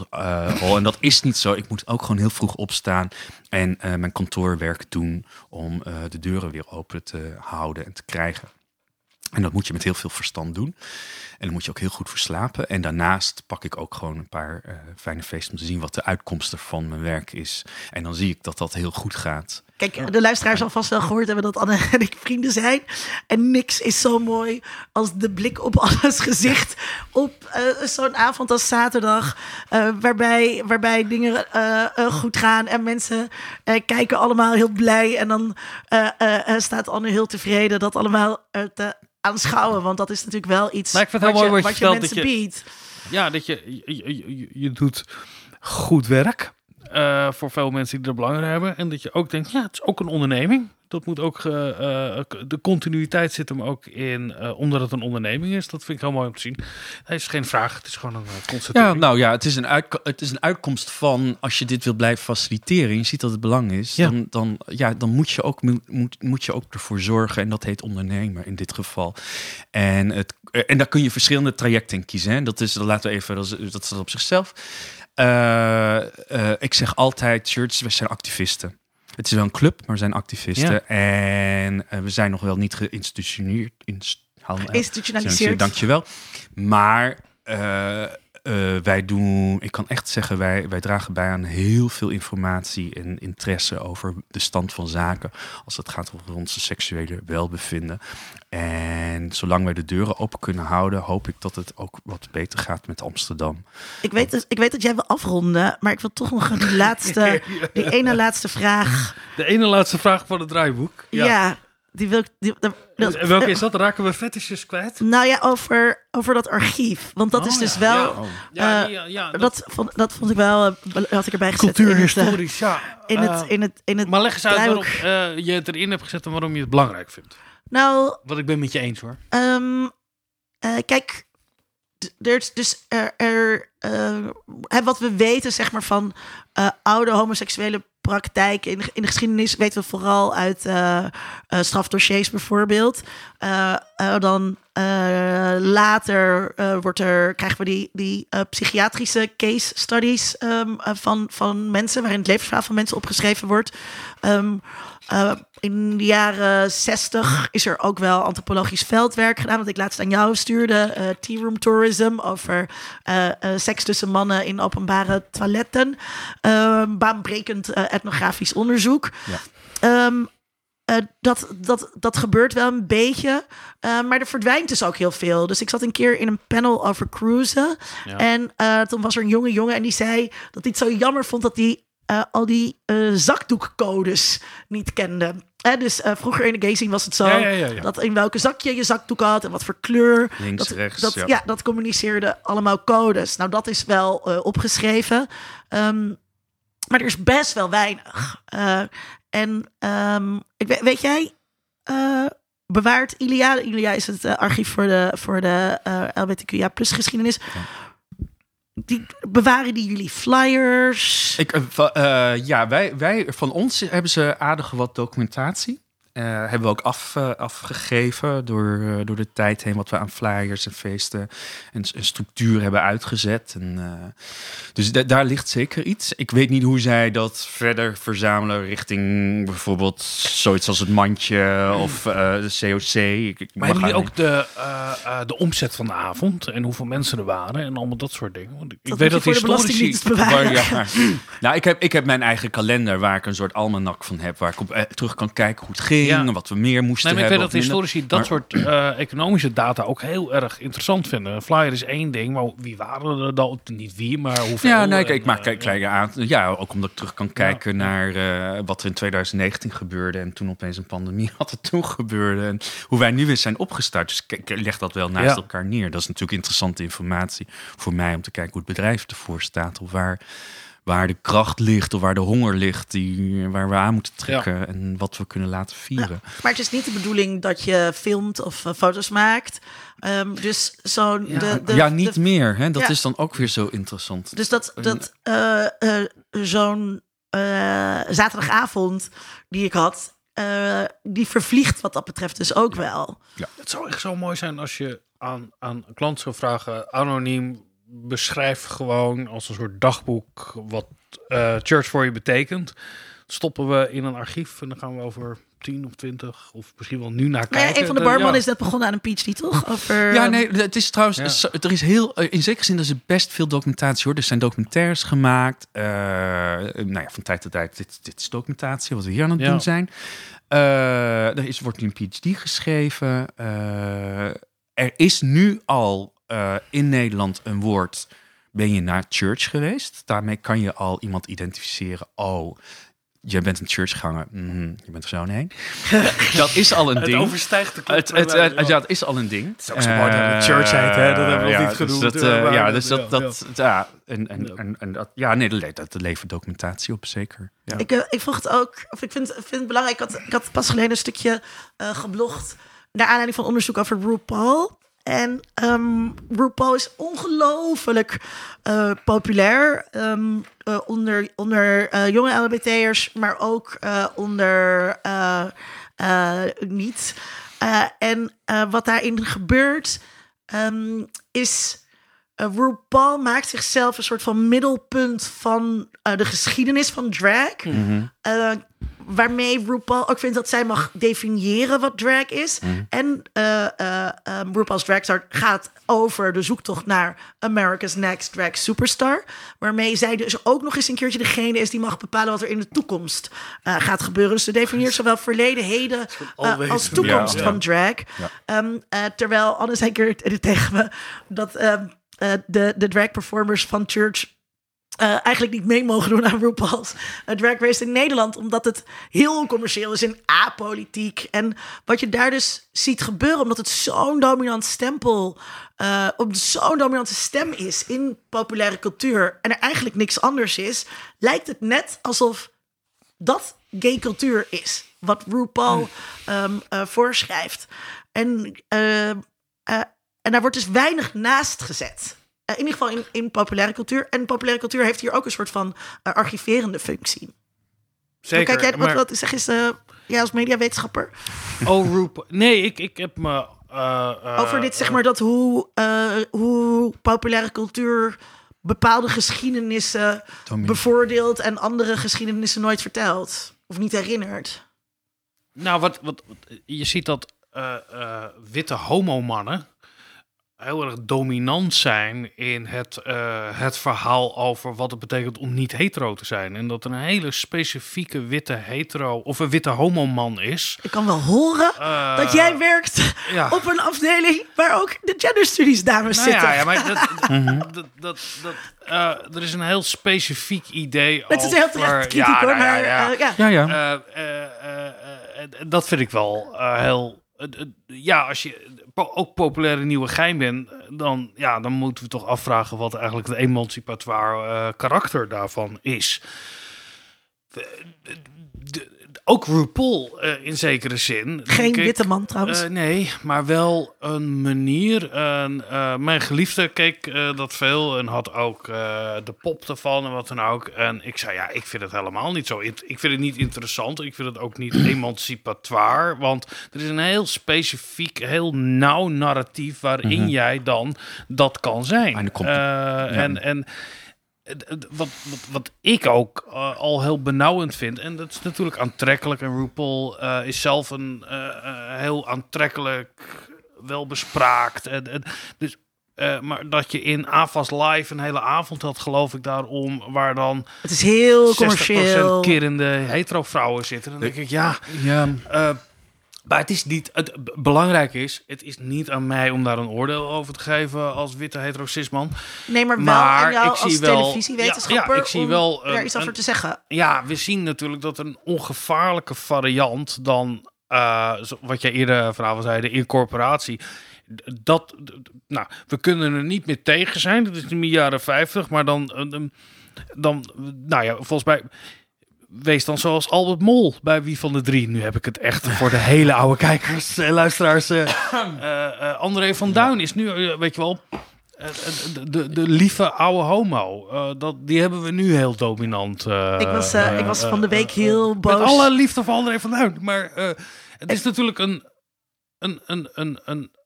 Hij, zijn, zijn, zijn identiteit als homoman is natuurlijk volstrekt afwezig eigenlijk. Maar ja, bij, dus bij Paul de Leeuw bijvoorbeeld ook. Ja. Eh, ik denk, was van de week heel boos. eh, maar ik kijk daar heel graag naar eh, Prince Charming.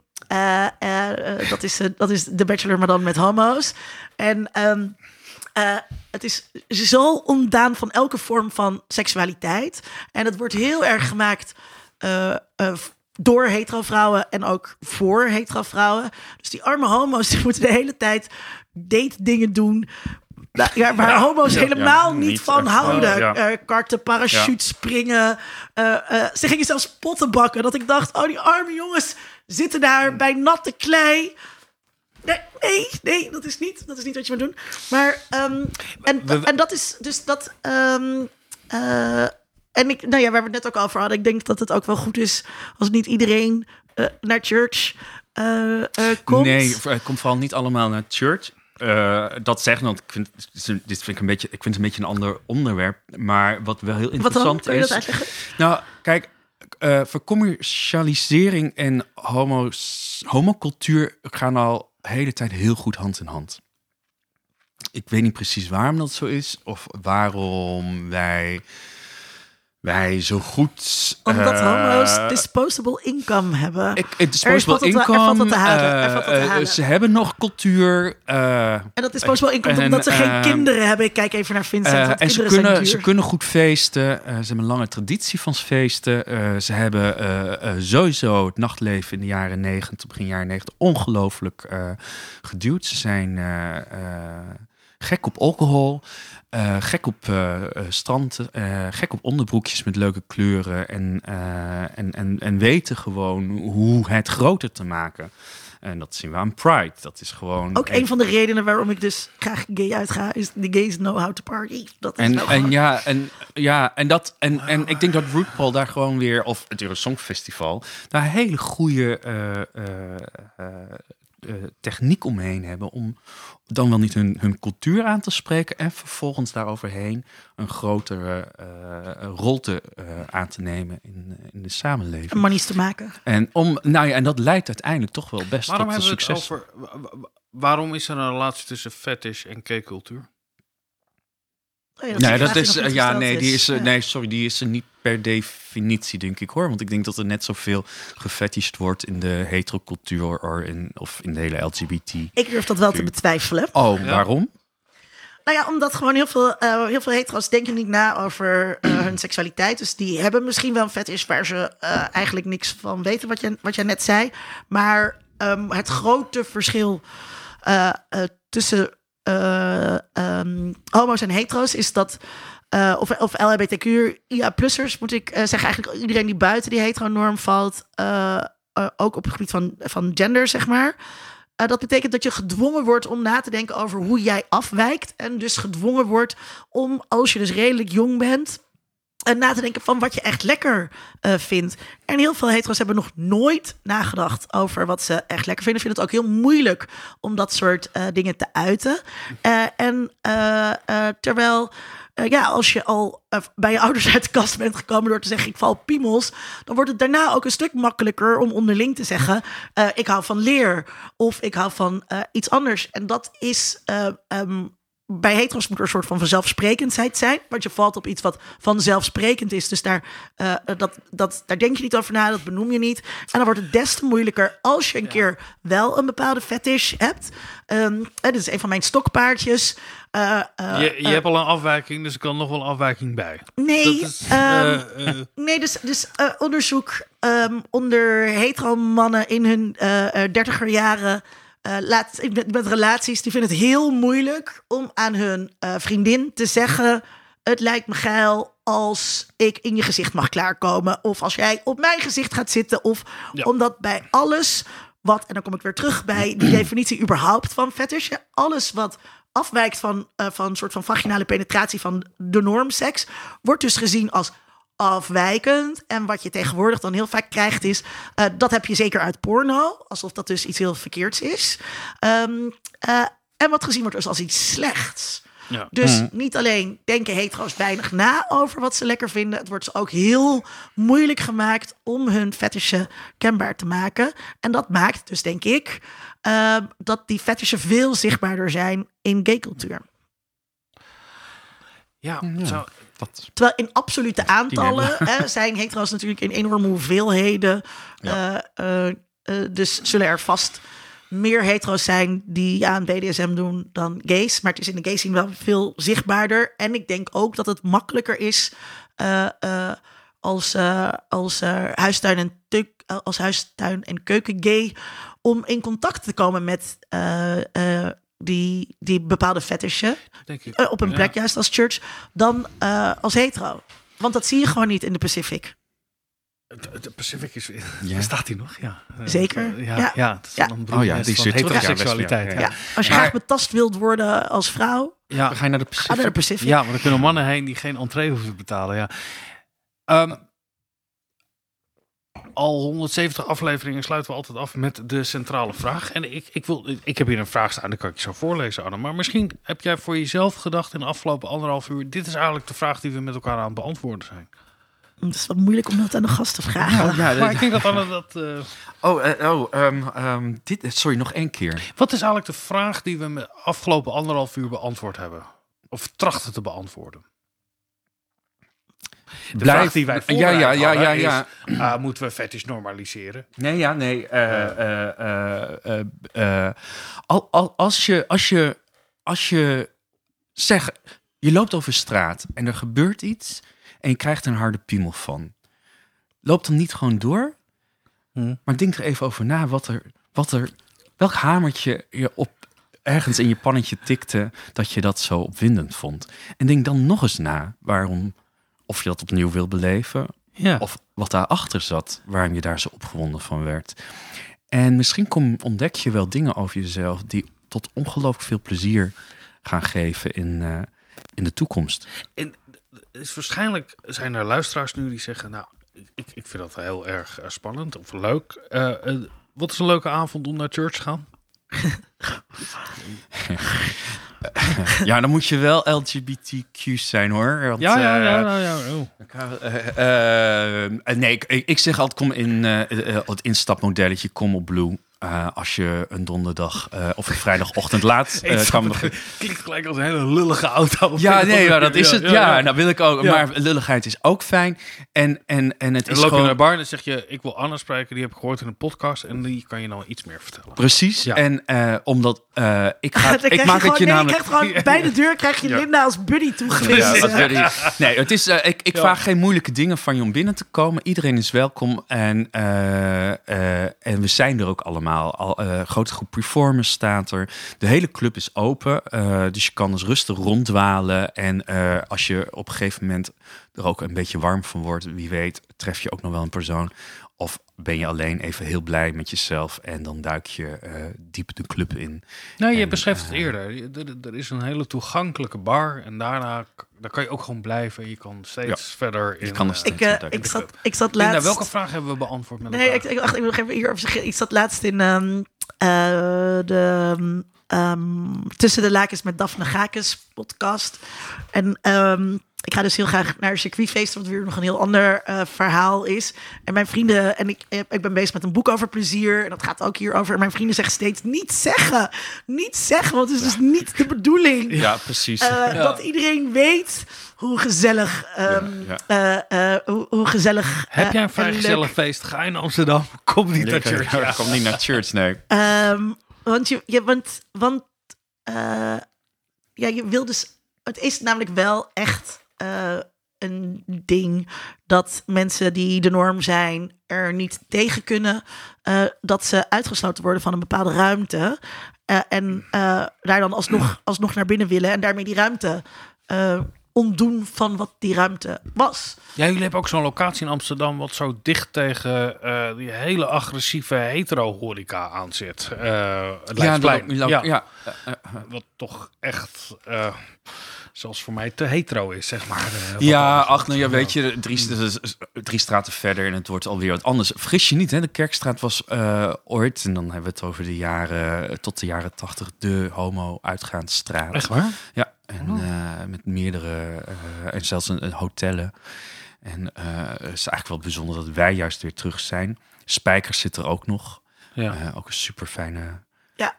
kroeg. En, ehm, Ik denk dat de vraag was: wat eh, kan fetishcultuur betekenen eh, voor.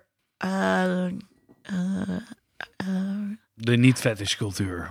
i- ja, voor, voor ehm, eh, het, het, het minder beperkt maken van opvattingen over seksualiteit die het merendeel van de mensen hebben. Is de luisteraar, heeft En u- daar is anders jij antwoord ook. Ja. eh, of daar is, ant- is antwoord ook een antwoord op op die vraag. Heel goed. Luister, heb jij een idee over welke vraag wij beantwoord hebben? Dan eh, horen wij dat graag. Dit was aflevering 170 van de podcast Onder Mediadoktoren. We hadden de telling een beetje verkeerd. Want we Ja, hebben, ja, we hebben ja, ook niemand, niemand houdt het bij. 171 Eh, aangekondigd. we hebben een fantastische redactie, Linda en Vincent. Dankjewel, Linda. Ja, kijk bedankt. meer op ondermediadoktoren.nl voor ons archief. En daar hebben wij met een, een aflevering over seksonderzoek in de media. Aflevering 156. Moderne manieren, eh, aflevering 132. Leek me geschikt. Oh ja, eindelijk weten wat seks is. Eh, het boek van Linda, aflevering 128, opgenomen in eh, Club Church. Aflevering 65, schoonheidsidealen. Volgens mij met Gieselinde Zeker. was dat, socioloog. Aflevering 57 over mannelijkheid. En daarbij hebben we ook de hele LHBTQIA plus reeks hebben we. Nou, nog niet helemaal. nog niet helemaal. We hebben aflevering 8, dat is heel lang geleden, zeker tien jaar geleden, over homoseksualiteit. Ja. Aflevering 85, eh, 35 over biseksualiteit. Dat was een hele interessante nazit. Aflevering 144 over transrepresentatie. Nou, aflevering 85 over queer media. Dus we Dus we missen, we, hebben wie- missen eh, de, de- we missen de lesbo's. En, Hebben we nooit over. Dat, nou, nee, en ik was naar het kijken, Ja. want die aflevering over homoseksualiteit gaat ook echt alleen maar over homomannen. ja. Dus we hebben het over bekende Oh ja. eh, homo-Nederlanders. En, eh, eh, maar nee, de, de, maar het is ook heel lang geleden dat we hem gemaakt hebben. En wij zijn ook gegroeid.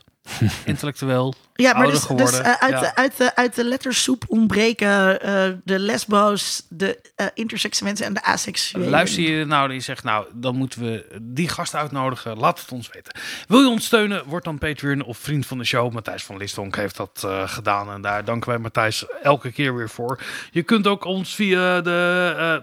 je kunt ook een donatie doen. kunt Als je gewoon naar de website gaat, kan je ons gewoon geld eenmalige doneren. donatie, Ja, gewoon. en- maar je kan ons het meeste steunen door te zeggen... Volgens mij is dit iets voor jou? Dan moet je naar luisteren. Bijvoorbeeld als je denkt in je omgeving of zelf denkt van fetish, dat is leuk. Luister een keer naar. Ja, maar juist je- dit mag of je dus niet aan mensen doorvertellen. Nee, maar het is heel een leuk in church tegen niemand zeggen. Nee, je mag het tegen niemand zeggen. Ja. Anne, dank voor je wijze woorden. Dank Linda. Ja, en, ook bedankt, eh, Vincent. Volgende keer eh, praten we verder over de mooie relatie tussen media, cultuur en maatschappij. En identiteit. Tot dan. Onder Mediadoktoren is een podcast van Vincent Kronen en Linda Duits. Meer informatie vindt u op ondermediadoktoren.nl.